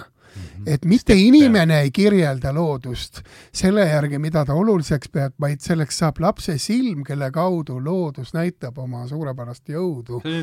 ikka? ei, ma räägin nüüd äh, stepist, et yeah. tuua näite sellest, kuidas tegelikult loodusmotiivid on vene klassikalise kirjanduse väga suur osa. Tšehhovi, Tšehhovi siis, on see jutustus või? jaa, see on step, see on suur jutustus äh, ja seda tasub alati üle lugeda, nii et no see on väga soovitav ahah, no seda ja räägi, räägi. okei okay,, no see Tolstoi budism oli ju tegelikult, oli budismi keskne tee, eks ju, et kannatused siis äh, lõpuks leitakse see läbi kannatuste, läbi, läbi tõusude, eks ju, leid-, leitakse lõpuks see keskne tee, eks ju. nii nagu mul tuli praegu esse see, see, see, see Siddhartha Gautama, eks ju, on see mm. -hmm. et seal on ju samamoodi, et peategelase on, ta on vist samamoodi edukas, eks, siis ta langeb, langeb nagu täielikku vaesusse, piinadesse ja siis ta lõpuks läheb kesktee, tegelikult Tolstoi enda elu on samamoodi. sündides, eks ju, nii, niivõrd-kuivõrd, eks ju, kuldusikas suus, eks ju, langedes totaalsetesse ulmadesse depressioonidesse, eks ju, leiab ta lõpuks selle läbi see... usu leiab ta see kesktee, see on ju budistli budi,, tundub olevat üldse niisugune mingi ar-, mingis mõttes niisugune ar-, arhetüüp, arhetüüpiline teekond, eks. ei no selle kohta peaks ütlema, et mida need vaesed teised kirjanikud tegid mm, -hmm. kas nad oleks pidanud siis ennast üles pooma, sest see olukord, kus nad elasid, Tolstoi elas väga ilusa lapsepõlve mm, -hmm. väga kaitstud lapsepõlve.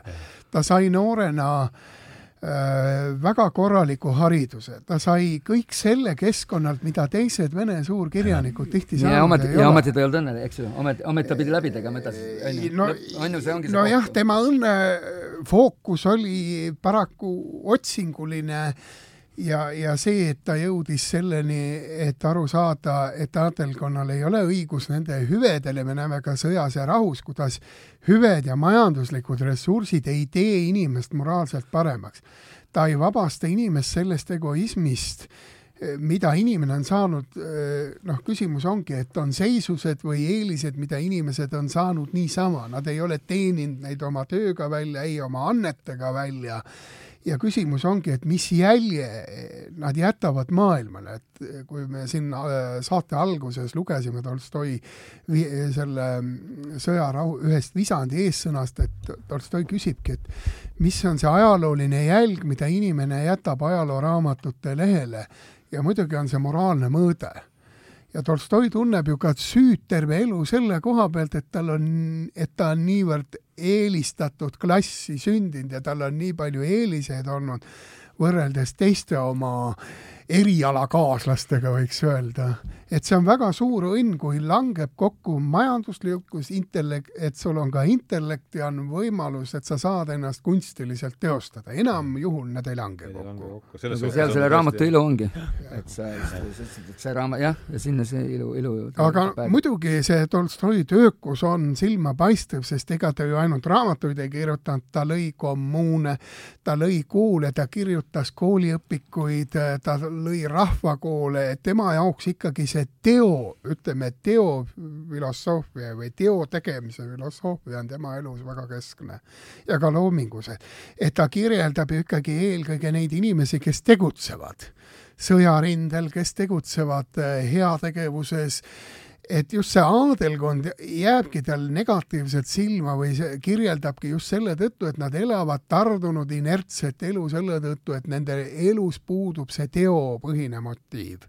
elatakse ainult iseendale, sellel puudub elu ülendava idee olemasolu. aga ometi siin tuleb see, praegu see vastuolu mingil määral, et sa just ennem ütlesid, et aadelkond oli oli kasvatatud just äh, prantslaste ja saks-, tähendab sakslaste õpetajate poolt ka, kes omakorda olid luterlased ja luteri, luteri usk näeb ju ette tegelikult väga suurt töökust, eks. et siin noh, selles mõttes no aga ega see ei jaa, tähenda, et see aadelkond Jah., küsimus on, et aadelkonna auväärne tegevus oli sõjaväeteenistus, nagu me teame, alates Peeter Esimesest, kust Vene ühiskond pandi selgetesse klassidesse, kuhu kuulub aga au muidugi, millest me nagu mõõd, mööda ei saa minna sõja, sõjast ja rahust, on see au mõiste. et sõ-, sõjakeskne tähendus äh, haakub solvumisega jälle kuskilt. on ikkagi au, et ei sõdita ainult materiaalsete ressursside pärast, ei sõdita, vaid ka sõditakse selle tõttu riigi au nimel, üksikisiku au nimel. ja me näeme ka praegult see Putini sõda, et au mõiste et no mis see motiiv on, mille nimel nüüd praegult Ukrainas sõditakse, on kindlasti see, et saada ka selline üldriiklik au, mida hetkel saadud ei ole.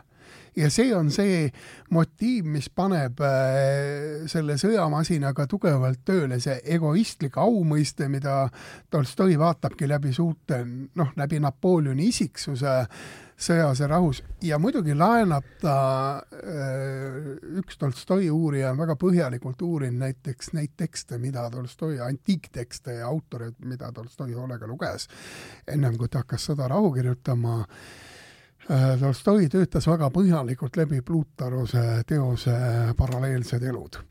ja kui me mõtleme Plutarose suurepärastele teostele, siis üks keskne teos on äh, pühendatud mis oli see teos, ütle veel? Paralleelsed elud, kus siis vaadeldakse nii Kreeka kui ladina või Rooma väejuhte ja üks keskne, kellele ta on tähelepanu pühendanud, on Crassus Crassus, kes oli Rooma, Rooma jõukur, kes tegi igasuguseid tempe, aga millest tal väheks jäi, oli au. ja siis ta otsustas, et ta ostab endale sõjajuhi ametikoha ja läheb siis äh, võitlusesse ja teatavasti see lugu lõpeb lõpuks sellega, et sõjamehed surmavad selle Crassuse, kelle peakolbast nad hiljem ve-, veini joovad. Et, et seesama au mõiste, noh, mida siis Sõjas ja rahus, kus ta siis näitab, et on sellist eetilist au mõistet, aga just Napoleoni isiksuse puhul tahab ta eelkõige just näidata, et au mõiste läänes või Lääne-Euroopas ongi selline egoistlik indiviidi rõhu, sest ikkagi selle sõja ja rahu kangelased on nimeta inimesed, need on nii-öelda parveinimesed, kes moodustavad perekonna, kes moodustavad rahva. Ja see, et sealt, äh, kui me vaatame kas või, et talurahva hulgast äh, tuleb ka väga arukaid väejuhte sõjas ja rahus endas, siis ta just vastandab ka neid väejuhtide äh, tüpoloogiaid ja näitab just sedasama, et et sellest au mõistest ei saa üldse möö-, mööda vaadata, aga au, au mõiste teeb ka suurt kahju ühiskonnale, et see ei ole no teine pool olekski see au ja ego. räägi sellest au, kuidas sa sellest au poolest kas me, kas sa räägid ühest poolest, ma tean, see on karm, karm, karm mõte, aga kas, kas sa teisest poolest ei, ei, ei, Ivar, ei ole mõelnud?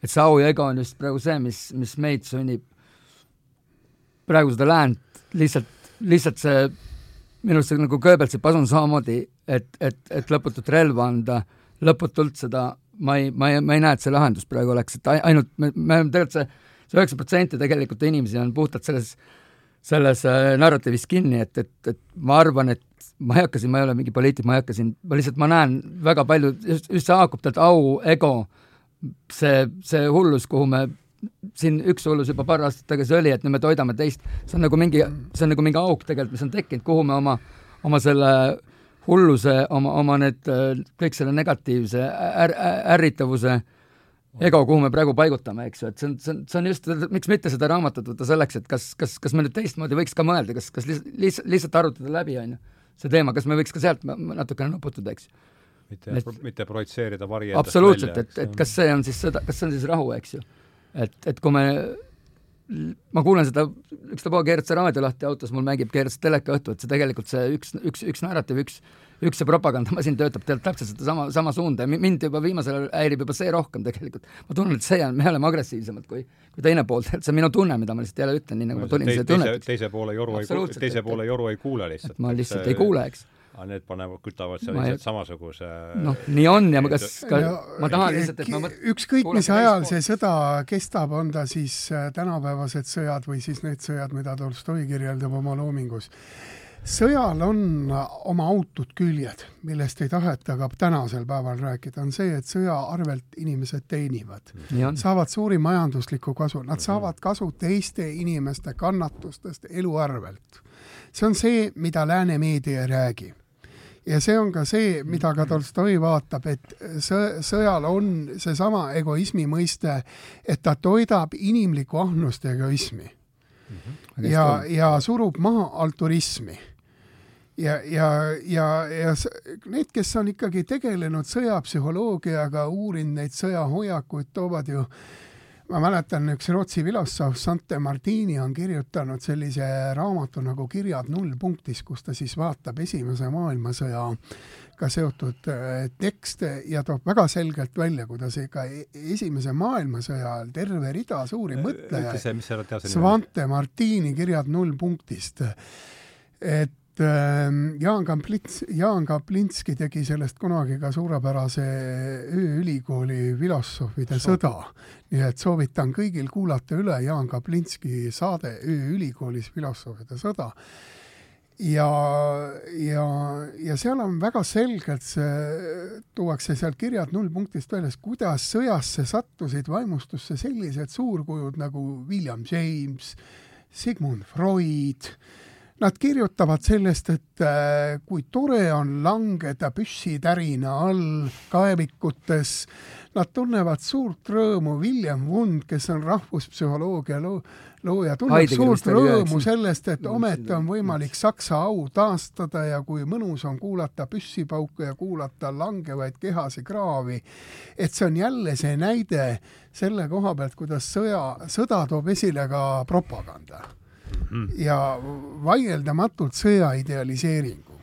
et see, et nüüd öelda nüüd seda, et Ukraina sõda kajastatakse neutraalselt ja see info, mis me saame, noh, see ei vasta mitte ühelgi juhul kommunikatsiooniteooria kriteeriumitele, et tuleb vaadelda erinevaid ka sõjaautoid poolt vaadelda seda, mida sõda kaasa toob, see on hea, et lääne on võtnud selle positsiooni, et ikkagi see, mida Venemaa teeb, et ta on tõesti kuritegelik riik, see on kuritegevus, see on inimeste hävitamine, see, selle eest tuleb vastutust kanda ja mitte ühelgi Vene sõjaväelasel ja võimuril ei ole õigust võtta teise riigi inimeste elu, võtta õigust nendel õigus normaalsele elule, võtta ära sealsetel lastel õigus lapsepõlvele, käia koolis, elada normaalset elu.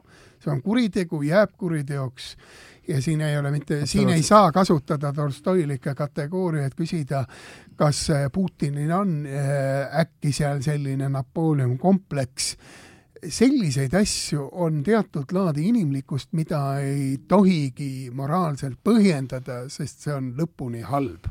ei ole olemas poolhalba ja head halba, vaid ongi, ta ongi üleni moraalselt kuri ja see teenib kurjust ja selle mõte on hävitada inimesi ja tunda sellest saada mingit kasu, isiklikku au. ja see on võib-olla inimese kõige madalam moraalne punkt üldse, kust inimene elab, et aga äh, tuli teine, et sõja juures nüüd psühholoogia juurde tagasi, et äh, mõiste, mis on siit käi-, käis läbi L-sõna, nimelt lunastus. et me oleme siin kõik äh, kolmekesi parimal juhul äh, juhuteoloogid, et äh, aga kuidas teie sellest äh,, kuidas teie sellest äh, sõnast aru saate? huvitab mind väga. hakkame Svenist pihta jah eks ma pean, ma ei tea, kas mu see raamatu kontekst on üks kontekst, eks aga see ei, sa võid, me oleme raamatust nii palju rääkinud. ja lähme, jah, lähme võtame, see pakub mulle tõesti huvi, sest äh, ma ei mäletagi, miks. ei jah, lihtsalt pakub huvi, no mingi teine kontekst oli mul ka siin all, aga aga kuidas sa, kuidas sellest sõnast aru saada? ei, miks mitte, tegelikult ka mingi, mingil määral me võime selle raam-, ma võin ka selle raamatu samamoodi tegelikult arvestades, arvestades minu elu, eks ju, mis mis asjad mul endal läbi on käidud, et, et, et samamoodi, eks ma, eks samamoodi ma otsin lunastust. Hmm.. otsin lunastust, otsin, otsin, otsin, otsin oma, oma hirmsatele, hirmsatele ja ka mu peas tihti, kes ta on hirmsad teod, eks, mis ma elus olen teinud, eks, et otsin lepitust. lunastus, lepitus, eks ju, lepitus ise, noh, mida ma ka täna alguses ütlesin, et lepitust leida võib-olla teistega on lihtsam, et iseendaga lepitust leida, vot seal oligi see süü ja, süü ja solvumine ja, lunastus, eks ju, iseendale iseendale pakkuda või iseendale leida siis lunastust on, on võib-olla kõige keerulisem üldse, teistele ikka, noh, see on päris huvitav, kindlasti Ivaril on selle kohta rohkem öelda, et, et inimesed ka, kes oma, oma lapse mõrvaritele tegelikult andestavad ja noh, tõenäoliselt nad andestavad selle, just, just, just oli juttu tegelikult ühes seltskonnas, ma ei hakka seda teemat, oli, oli sarnane lugu, et mitte küll päris lapse tapmist, tapjatega, aga et ühel inimesel oli laps surnud, et kuidas, kuidas nagu, kui andestakse talle, mina, see on minu nägemus oli sellest, et inimene eelkõige päästab ju sellega iseennast, kui ta, kui ta seda teeb, eks ju, et, et eelkõige ta päästab iseennast, eks ju. Tal on endal lihtsam pärast seda, eks ju, et, et see ei ole selle peale, väga paljud võivad mõelda, et ta andestab, loomulikult andestab ka sellele inimesele, eks ju, ja läbi selle muidugi iseendale, eks. tal on iseendal lihtsam edasi liikuda, on ju, et tal on, teda ju närib tegelikult võib-olla kõige rohkem see sees.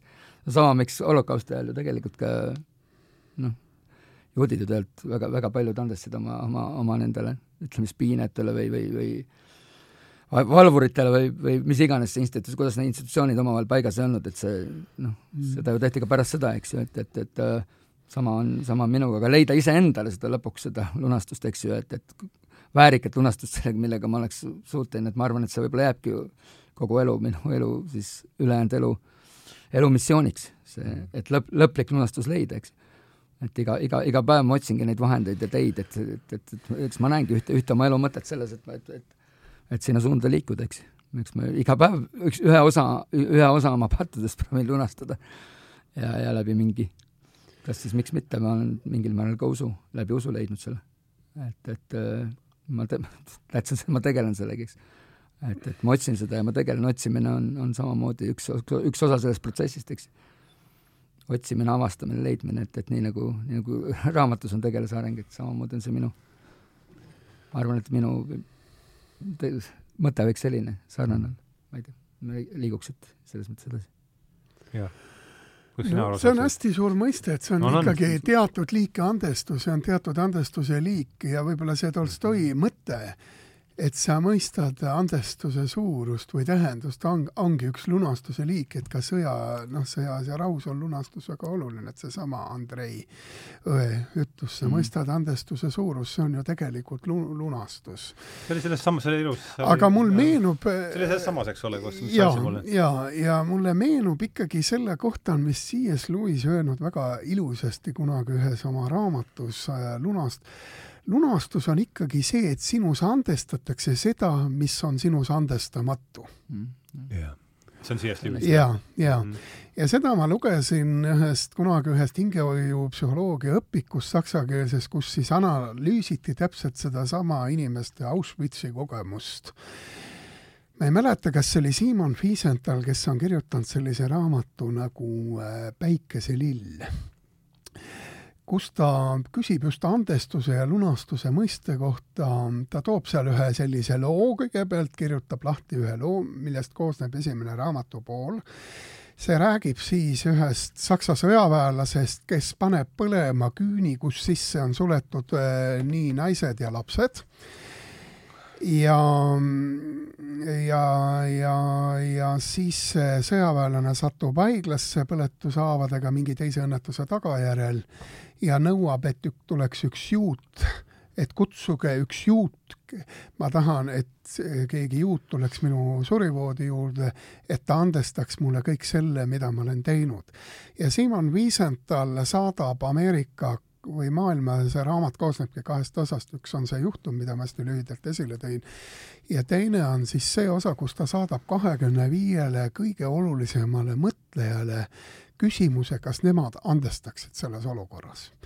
ja ma mäletan, üks Ameerika psühholoogiaprofessor, kellele ta nimi ei tule meelde, aga tollel ajal siis väga oluline autor, kes siis vastas Simon Wiesenthalis või seal raamatus selliselt, et andestus ei kuulu sellesse maailma, kus on genotsiid, Auschwitz kus on inimeste tapmine majanduslikel äh, motiividel, vaid andestus on mõiste, mida saavad kasutada ainult voodis nägelev armastaja paar.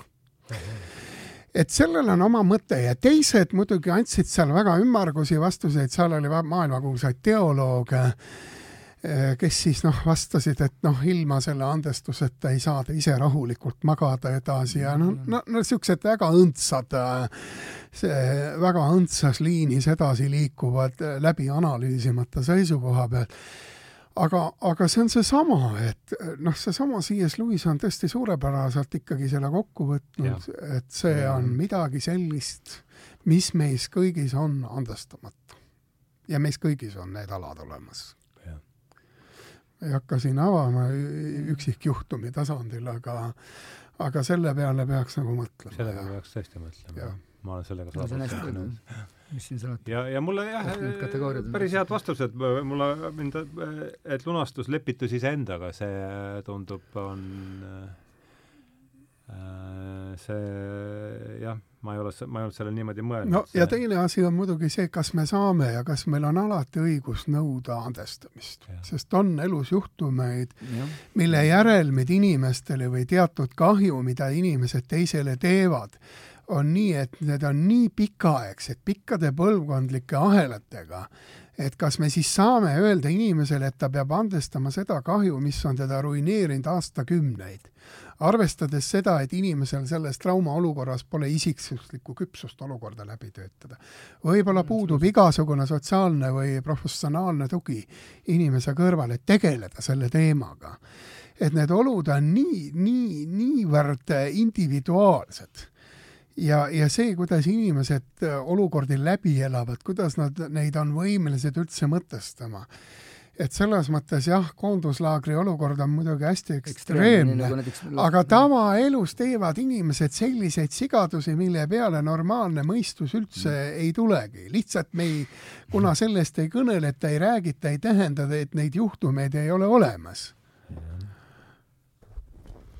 nojah, igal juhul on ta siin, igal juhul on ta siis seotud äh,, lunastus seotud andestusega, mis on äh, mul tuli siin meelde, mm, äh, näitan ka kaamerasse, et äh, leht tuleb homme. aga, aga me saime teda juba täna kätte ja, ja, ja on pikka aega kõlisenud meeles äh, leheküljel kuus, lehekülg kaksteist siiski, Lea Edminsterist kirjutasin välja, et meie suutlikkus armastada, andestada ja andeks saada on jumaliku ilm, il, ilmutuse argipäevane ime. et mis sellest, ma esitan punkt vähemalt puudu. et mis te sellest mõttest arvate? suutliku suutlikkus armastada, andestada ja andeks saada on jumal, ilmutus on selle lehe teema, et mm -hmm. kas see mõte kõlab teis kaasa? minus ilmselt, ilmselgelt kõlas, muidu ma ei oleks seda praegu ette lugenud, aga seda on hästi raske tavasituatsioonis mõtestada, et mis ilmutus on jah, ikkagi selline äh, kristliku ja mittekristliku müstika üks kesksemaid mõisteid. see on kristlik kategooria ikka vist. jah, et no, ma ei kujuta ette. religioosne kategooria. no seesama, et kui keegi nii... sulle tänaval halastamatult peksa annab, et no. mis kellast tuleb siis ilmutus, mis käsib andeks anda ja kuidas sinna ilmutuseni jõuda, nii et, et tegelikult see teema oli tõesti selles mõttes, kus nagu sa ütlesid seal pealkirja, et see täpselt, täpselt nii ongi, eks et kuidas see ilmutus tekib, eks ju, et, et, et no selle, selle, jaa, absoluutselt. me küsisime inimeste käest, osad religioosse taustaga, osad üldse mittereligioossse taustaga ja üritasime ilmutus võib ka mittereligioosne jaa, absoluutselt, jaa. Ja, ja. et äh... no aga ta võiks olla religioosne. No. ei tea, miks ma kuidagi tundub hästi. Eh,. Nii, aga meil on siin nüüd jäänud äh, natuke vähem kui pool tundi, pool tundi siin äh, siis veel olla koos, et ma vaatan, mis ma olen siin enda jaoks äh, no me, need viis, see jäi mul puudu, et viis liini on ikkagi Rostovit, Bolkonskid, Besuhhovit, Kuraginid ja kes meil seal veel olid siis? ma kohe ütlen, ma kirjutasin ka need välja. Kutuzov kindlasti, Trubetskoi Trubetskoid olidki, Kutuzov vist ei kuulu sellesse, Kutuzov nii nagu Tolohov, vaata on eraldi ja, ja. veel seisev tegelane, eks ju, et no näiteks vot eh, ma kirjutasin, eh, Saara Mints on suurepäraselt kirjutanud äh, Juri Lötmani abikaasa, kes ka tegeles Tolstoi uurimisega, on väga selgelt kirjutanud kaheksakümne teisel aastal, et äh, Tolstoi tegelased jagunevad kolme rühma esiteks parveinimesed, kuhu siis on äh, Platon, Karatjev, Kutuzov, Nikolai Natasa. ta Nei... räägib, ta räägib nüüd siis sellest konkreetsest romaanist? sõjast ja rahust, jah mm. -hmm. Neile kuulub Tolstoi otsene sümpaatia, enamjaolt rõhutatakse nende välist meetlust, mis peegeldab sisemist ilu parve inimene kuulub oma saatusega oma maailma, headus ei ole määratud tahtepingutusega, Rostovite headus ja Platoni eneseohverdus on loomupärane ning mõjub loomulikult. tegelased ei kujutle elu ja õnne väljaspool seda inimühendust, kuhu nad kuuluvad, see on siis esimene rühm teine rühm tegelasi on täiesti sulgunud kitsalt egoistlike individuaalsete huvide ringi. eriti palju on niisuguseid tegelasi romaanis riigimeeste ja Peterburi kõrgema seltskonna hulgast, kes elavad rahvast kaugel. on kahesugust egoismi, mida Tolstoi rõhutab, ühed järgivad eluhüvesi ja muid kõlbusetuid eluviise, Trubetskoi, tema ema Vera Rostova, noh, siin on siis valik, nii ja teised paistavad silma oma mina ja ego võimendusega, auahnuse, võimupüüdega, inimeste vastandamise ja rahvale ajaloole. sellised on Napoleon, Speranski, mõlemad individualismi tüüpi vaatleldakse lähemalt egoistlikud inimesed eraelus. ja kolmas tüüp on siis, äh, ma vaatan, kuues, siin on vahepeal kolmandat tegelasrühma võiks nimetada kangelaste teel, siia kuuluvad Andrei Bolkonski, Pierre, neid kujutab Tolstoi algusest peale köitvate inimestena.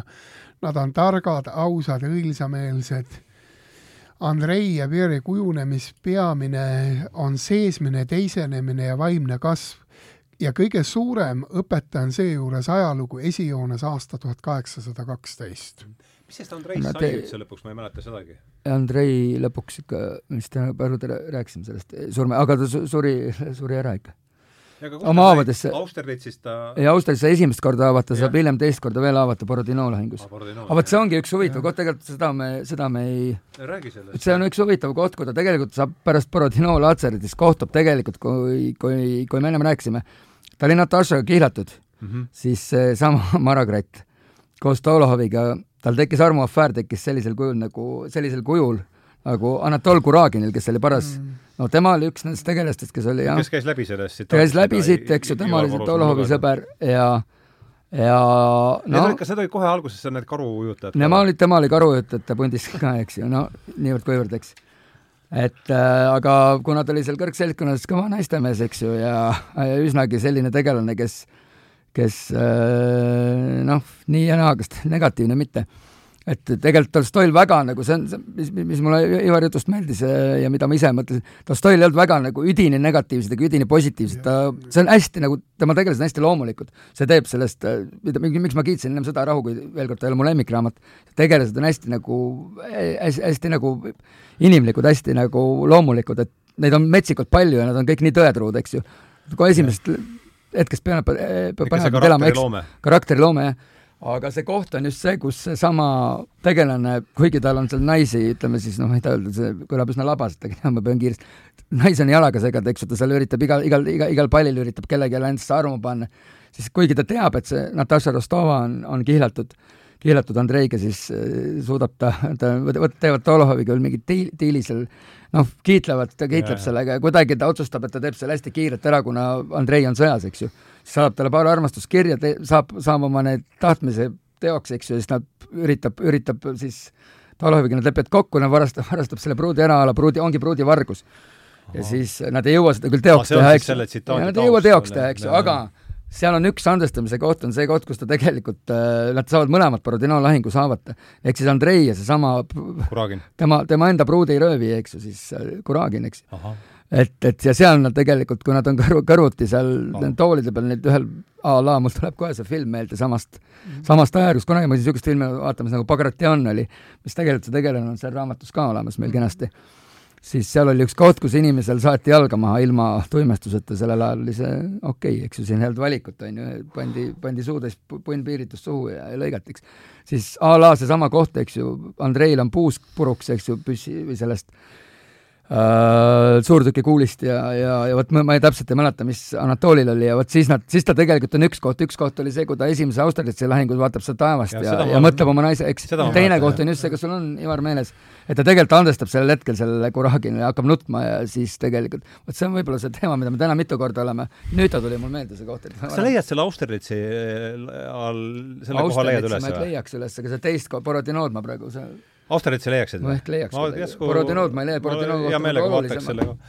kas see on see koht, kus ta ta jõuab koju just poja sünni naise surma hetkel ja siis ta kirjutab, te, teie näete maa peal headuse tõe riiki, aga mina ei näe, ütleb Andrei Pierre'ile. lahingu eel ilmub, et Bolkonski teab nüüd juba kindlalt, lahingut ei võida väejuhid, vaid rahvas see on see Andrei ja taeva motiiv peaks olema, jah. Mm. Jah, see lunastus, seal, seal terve päeva lamab Andrei Austerlitsi lahinguväljal, vaadates mõõtmatusse taevasse, selle taeva all adub ta oma hiljutise auahnuse väiklust, kuid Napoleon õhtul avatuid üle vaatab ja polgu lipuvarrast käes hoivad Andrei silmitseb, ütleb ühe oma kaunitest fraasides. ilus surm, kuid haavatud Andrei rabab nüüd vaid tema senine kangelase tühisus ja upsakus. Mm ja siis ta jõuab koju oma poja sünni ja naise surma hetkel ja siis temas juhtub seesama psüühiline, läheb midagi katki ja te, siis ta ütleb oma, et te näete maa peal headuse tõe riiki, aga mina ei näe. sest ta on näinud seda, mis ei kuulu inimelu juurde, see ongi sõda, et see on selle Tolstoi üks selle motiivi mõte. jah huvitav jah, et mul on kolm asja jäänud meelde sellest kahekümne aasta taguse või rohkem kui kahekümne aasta no mina lugesin ka kakskümmend aastat no ma lugesin tagasi, aga ma olen lihtsalt võrdlevalt lugenud tema ja. muid asju. Teie vist oli see keskkoolis koos. ja teinud oma põhjaliku konspekti omal ajal mul ei ole mul on jäänud meelde seesama, seesama lõik, mis see, et kuidas ta seal taeva all vaatab ja siis on see äh, Natasha esimene pall või ja see väga meenutab Dostojevski seda Märkmeid surnud majast, kus mm. samamoodi on inimene vangikongis ja vaatab seda vangikongist välja ja näeb seda lindu ja taevalaotust. et see on ka, Dostojevskil on ka selline motiiv iseenesest, seesama taeva vaatlemine, see on muidugi kirjanduses väga vana motiiv, see tuleb juba no, töötab siiamaani on meeles. ja töötab siiamaani, sest taevas on noh, noh, taevas on niivõrd suur äh, ütleme, et ta ja. tekitab niivõrd suuri psüühilisi ja kujutuslikke äh, kuidas nüüd täpselt öelda, kujutuslikke seisundeid et, et see, esiteks sa tajud oma väiksust ja teiseks noh, seda, no sa, sama nagu mere vaatamine, et sa mm -hmm. näed seda tohutut lageduse samas mitmekülgsust nagu, et ja, ja taevas näeb ka inimene seda, noh, seesama Tolstoil on ju samamoodi, et taeva vaatlemise kaudu näeb inimene seda, mis on temast kõrgem. et see on ka see mõte, et, et mm -hmm. et see vaatluspunkt läheb tema enda kõrgusest üles ja see, see on, see on milleks see on üks võtmeasju, ma arvan üldse selles. ja, ja selle tõttu kui me mingist lunastusest räägime, siis see on ilmselt Tolstoi romaanides ongi need väga palju kõrvaltegelasi, et, et ükski väejuht ka sõjas ja rahus ei ole olulisem kui ka lihtne talupoeg. et nad kõik elavad seal sõjas läbi midagi sellist, mis on kõigil üldinimlik mm. -hmm. ja sellesama üldinimliku, nende samade peategelaste tegevusliinid ongi selles mõttes, ainult selles mõttes olulised, et nad tuletavad meelde üldinimlikke seaduspärasusi.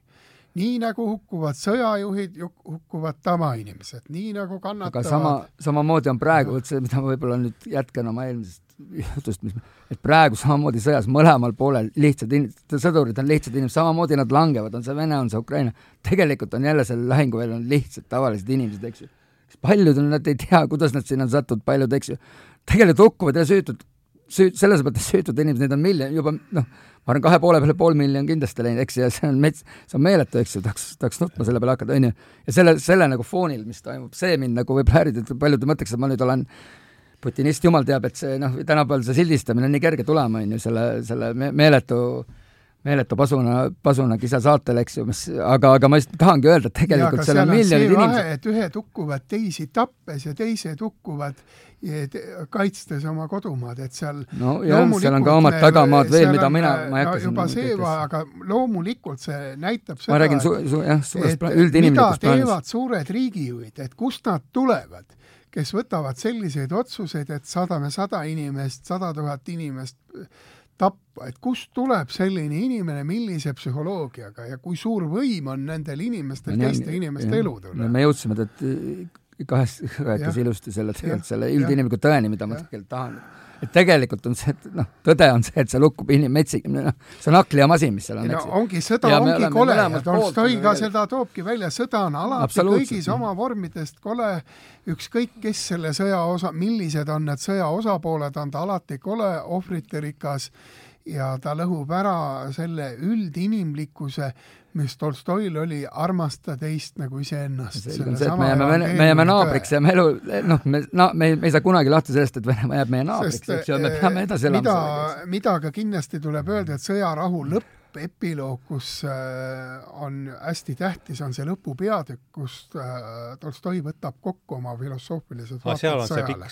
jah, ja et seda tuleks kindlasti ka... lugeda üle alati, isegi kui romaani ma lugesin ühe sest sealt tuleb need lugesin. Tolstoi patsifismialased vaated ja üldse, et kontsentraat sellest on nagu olemas, nii et mm. -hmm aga see on hea, see, mm, et no see on nüüd, eks me kõik tuleme ju oma mingi äh, mättaga siia saatesse, et see ongi oluline, et igaüks tuleb oma mättaga, see, sellest me kokku saime. jah, et mul on praegu äh, mul on praegu pooleli ja see on täiesti, ja kui te ei, ei ole haakumis, siis läheme edasi, aga mul on praegu pooleli kursus Aldo Sakslist, et et tuleb teil temaga midagi ette, mis äh, mis äh, võivaks, võimaldaks, noh, ilmselt patsifism on üks asi mm., mis mul kohe esimesena nüüd äh, äh, lõi, lõi, haakus siin, et äh, et tuleb teil, ei tule siin täiesti, et ma saan aru, et see on, et me tuleme erinevates kohtades, ma lihtsalt, fookus on olnud seal juba mõnda aega, et et kas tuleb mingeid, mingeid assotsiatsioone või, või, või, või, või mõtteid? Huxley ja Tolstoi no mul ikka Huxley'ga seostub see, et äh, mõlemad tegelikult, nad, sõda on ka teatud mõttes utoopia liik. ta mõjub utoopiliselt psüühikale, inimesed, kes noh, kas või Sõjas ja rahus, kui me mõtleme seda, et kui Tolstoi kujutab seal ette seda, et sõjaväljal olevad sõdurid ei kujuta üldse ette seda, et ka nemad võivad surma saada, see on puhtalt utoopiline. see on uskumatu. see on nii uskumatu, kui loed seda teost, see on nagu ajatu tõde et inimesed elavad ka seal lahinguväljas mingis utoopias, nad lasevad teisi, nad on kraavi- ja nad ei mõtle kordagi, et nad saavad ise surma, et ta toob sellesama Andrei näite ja oma peategelaste näiteid, kes tõesti kordagi ei taju seda, nad hakkavad alles siis tajuma seda elu aprust kui nad istuvad või söövad koos või on talurahvaga koos, et siis tekib, aga elatakse tõesti nagu Huxley puhul ju ka, et nii palju kui lugeda tema mina temaga eraldi tegelenud ei ole, ma kohe ütlen, aga teatud selline, et lääne inimene elab ka teatud mõttes sellises utoopilises skeemis mm. -hmm. ja seesama Taju uksed, teos Taju uksed ju näitab ka seda üsna selgelt, et et on vaja teatud tajuuksed avada inimestele, et saada aru, et argipäev või see argi tegelikkus on äh, mhm. üks utoopia liikidest, et utoopia ei ole ja, see, nagu no, inimesed arvavad, et, et see on ja. konstrueeritud kirjanduslikult suurt, mingite suurte autorite ja. poolt, vaid see on meie endi argipäev, võib osutuda ja. üheks kõige suuremaks utoopiaks, mille järgi me teeme kõige rumalamaid otsuseid ja utopist oli kahtlemata ka Tolstoi selles mõttes, et et kui ta pakub oma eetilisi plaane välja ka sõjast rahus, et igavene rahu, see on ju teatud mõttes utoopia, sest inimene ei ole kunagi rahul, sest tema seesmised seisundid on alati dialektilised, head, halvad, rahul, siis ta ei ole rahul. Ja, ja, ja selles mõttes on see ka teatud mõttes rahu igatsemine, teatud mõttes utoopia selles olukorras, kus inimene on niivõrd ebatäiuslik mm.. aina ebatäiuslikumaks muutub ei no aga Sven, sama asja?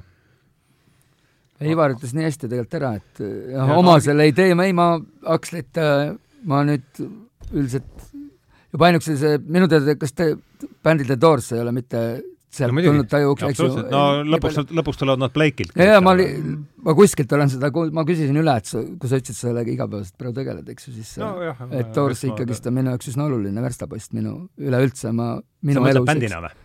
Noh, bändina ma räägin praegu, kuidagi ka sealt ja. sa palusid tuua ma tahtsin teha, ma tahan teha The Doorsist eraldi, eraldi saate. mina ei ole kindlasti õige inimene, aga, aga noh, ta on oluline. sulle ta on oluline, sulle ta on oluline, oluline jah, et ta ei ole niisugune, jälle, ta ei ole nüüd mind mõjutanud otseselt, aga jaa, ta on ikka, noh, ta on võimas mm. -hmm. et hetkel ma küll kuulan rohkem, mitte sõnum, sõnum on, on sõnum ja selle, ütleme siis Jim Morrisoni karismaatika, karismaati-, karismaati-, karismaatiline olek. kattuvused Jungiga on tal tihedad. absoluutselt. sa räägid nüüd kellest?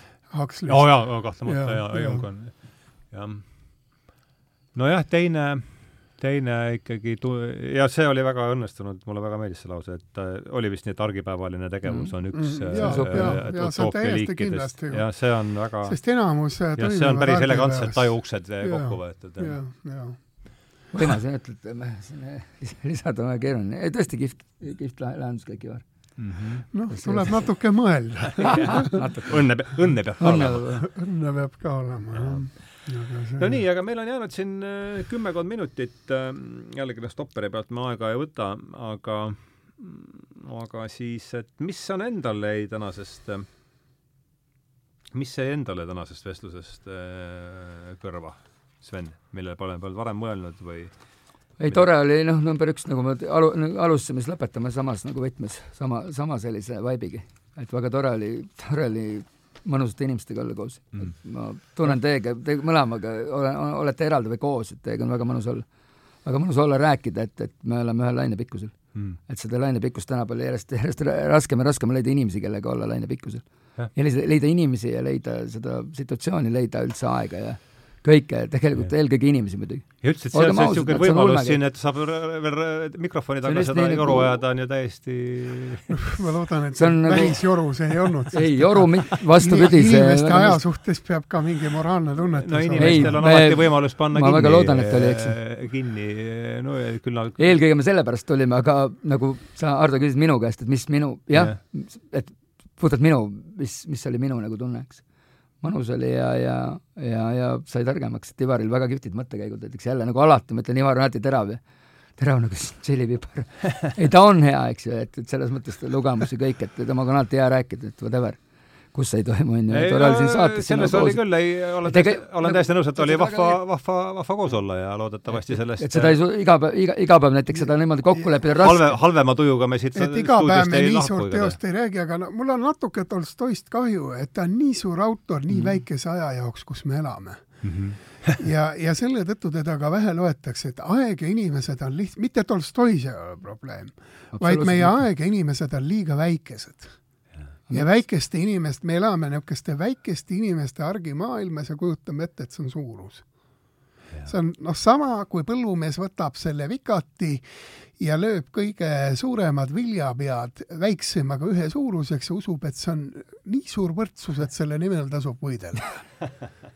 Et, et mul ongi, kõige rohkem ongi mul kahju, et Tolstoi suurt romaani tegelikult ei loeta Eestis, vähe loetakse kooliprogrammis on ta väljas ja just selle tõttu, et me oleme niivõrd väiksed. ta võiks olla, teda tegelikult selles mõttes raske lugeda ei ole võrreldes paljude teiste. aga mille eest see õpetaja palka lugeda. saab? selle eest, et seletada, aidata lugeda. selle eest on no. meil terve rida uusi aineid, äh, mis, ma isegi ei tea, mis seal on. aga äh, jah, mul üks, üks lause, mis äh, on mul siin, mis haakub võib-olla sellega, mis Ivar ka rääkis, T.S. Eliotilt, et a modern man, ma kõigepealt inglise keeles, modern man is distracted From distraction by distraction, et see on ja, minu meelest no see võtab, võtab kujundlikult kokku. võtab päris ilusti see on tõesti hästi öeldud. aga äh, kuulaja jaoks tõlgi. kuulaja jaoks alles siis, et äh, üritame selle kamba peal ära teha, aga see polegi nii lihtne, et äh, võta oma suuline või mõte äh,. moodsat inim-, moodsat kaasaegset inimest. kaasaegset inimest, jah. tõmbab meelelahult, oi, tõmbab ma ligi, ja. aga see... ma ei suuda seda praegu elegantselt no, teha. las ta siis jääb, las inimesed teevad kodus tööd ja kirjutavad. lööge Google'isse, vaadake, mis sealt tuleb. kirjutavad selle välja, aga, aga just seesama, et äh, noh, just, et me oleme niivõrd väikesed suurte autorite lugemiseks ja, ja, ja noh, ja saame niisuguseid kilde, aga aga ma arvan, et Tolstoi on tõesti autor, keda tuleb taasavastada ja selles mõttes on Rainis Toonemäe maa töö ikka hea, et ta tõlgibki natuke juurde neid tekste, jah. et kas või päevikuid ja nüüd tal on kolmas osa saamas valmis ja ja kirjastamisega on keeruline tal, nagu ma olen aru saanud ja mm -hmm. aga, aga jah, jah. jah päris lõpuks tuleks veel üks, täna, ma tulen miski, no ma tulen jälle Huxley juurde tagasi, sest see on see, veel kord, see on see mätas, mille otsas ma praegu istun. ja ma panin täna hommikul just üles ühe klipi, kus ta kasutab, tõlkisin hommikul ka, kus ta kasutab sellist ja see on ande, noh, minu jaoks ikkagi tänase selle jutuajamise üks, kui ma mõtlen, mis ma siit end-, ise kaasa võtsin, siis ongi võib-olla kaks et see, et lepi-, lunastus on lepitus iseendaga ja tegemist on teatud liiki andestusega. ja see, et, et, et tajuuksed ütlevad, et et argipäevane tegevus on üks utoopia liikidest, see mulle ka see mulle ka väga meeldis. aga et ma tulen selle andestuse juurde uuesti tagasi ja, ja, ja, ja lunastuse ja lepituse juurde, et ta kasutab äh, sellist, äh, ta ütleb, et katoliiklased räägivad sellisest asjast nagu gratuitous grace, mis on siis eesti keeles äh, teenimatu armuand või teenimatu arm. jah, teenimatu arm, jah. teenimatu arm. arm, arm, jah. sa mõtled indulgentsioneid või? ei, ei, indulgents on ikka, see on, see on teine asi, see on ikka niisugune riigieelarve rahastamise vahend pigem ei, ma, ma aga... intelligentsiga üle kantud tähendus, võib-olla siis aga äh, just jah, et kuidas armu... teie, äh, jällegi juhu, kolm juhudialoogi siin laua ümber, et, et Ivar. kuidas milliseid assotsiatsioone tekitab teis, see kuidagi mulle jäi, mulle jäi see kuidagi sisse ja, ja mulle väga meeldis see, kuidas ta sellest, et äh, jah, et ole hea, Ivar, aga, aga me sinust siis laseme Svenil lõpetada. Ega see kordab sama mõtet, nagu C.S. Lewis on öelnud, et ja, see põhimõtteliselt küll, jah. andestab meis seda, mis meist tegelikult on andestamatu.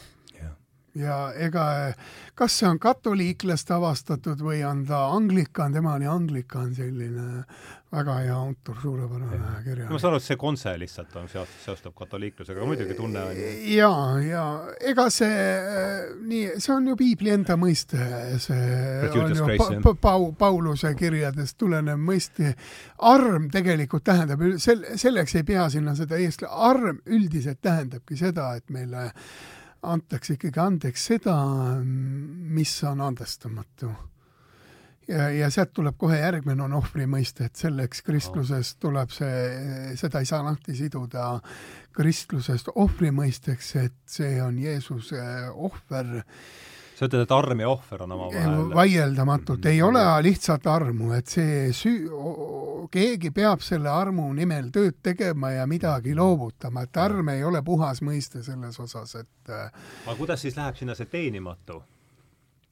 no meie seisukoha pealt on ta teine, sest me teeme teatud mõttes te-, neid, me saame andeks eh, tegu, võib-olla ta on selles mõttes ka teenimatu, et väga palju tegusid me ju ei, üldse ei teadvusta, et need on väga halvad mm. -hmm. me saame, meie teadlikkus tekib ju palju hiljem sellest. ma mõtlen just see tee, noh, jah, see on nüüd see teenimatu, jah mm -hmm aga kas sa ei mõtle, see, tuli just meelde see kuulus, kuulus lause, ma olen hästi palju viimasel vaielnud ja küsinud inimeste käest, kust see tuleb, et tee, tee põrgusse on sillutatud heade kavatsustega, kas ta nüüd ei haaku ka selles mm., kuigi see on niikuinii, ma mõtlesin Ivar sinu käest küsida, kas ma olen nüüd nii palju, kui ma arvan, kas, kas see mitte Luteri suust ei tule? et see on kihvt, tegelikult see on hea kihvt lause, kas see ei ole sama asi, et me tegelikult ei tea oma igapäevast, et me me loodame, et me või arvame, et me teeme head, eks, aga see kõik selgub hiljem, kui meie mõtted on, eks ju, kui, kui meie mõtted on, kavatsused on küll head, eks ju, aga me, see tuleb, see tuleb nagu meie mu, mu, teadmatuse või meie rumaluse seest, pigem kas, kas see ei haaku ka mitte täna, kogu tänapäevase maailmaga, eks. et kui see tuleb rumaluse seest, siis ta tegelikult on põrgusse minek, eks ju kui ta on, kui ta on rumaluse seest tulnud head kavatsust, kas, kas, kas sa ei ja, ja seda teenimatut armu, noh, seda on ikkagi seostatud ka sellega, et selle niinimetatud päris patu mõistega, et inimese sees ongi algselt selline patuna alge ja selleks, et seda neutraliseerida, ongi, vajab ta ka sellist teenimatu armu. sest ei ole pluss-pluss suhet.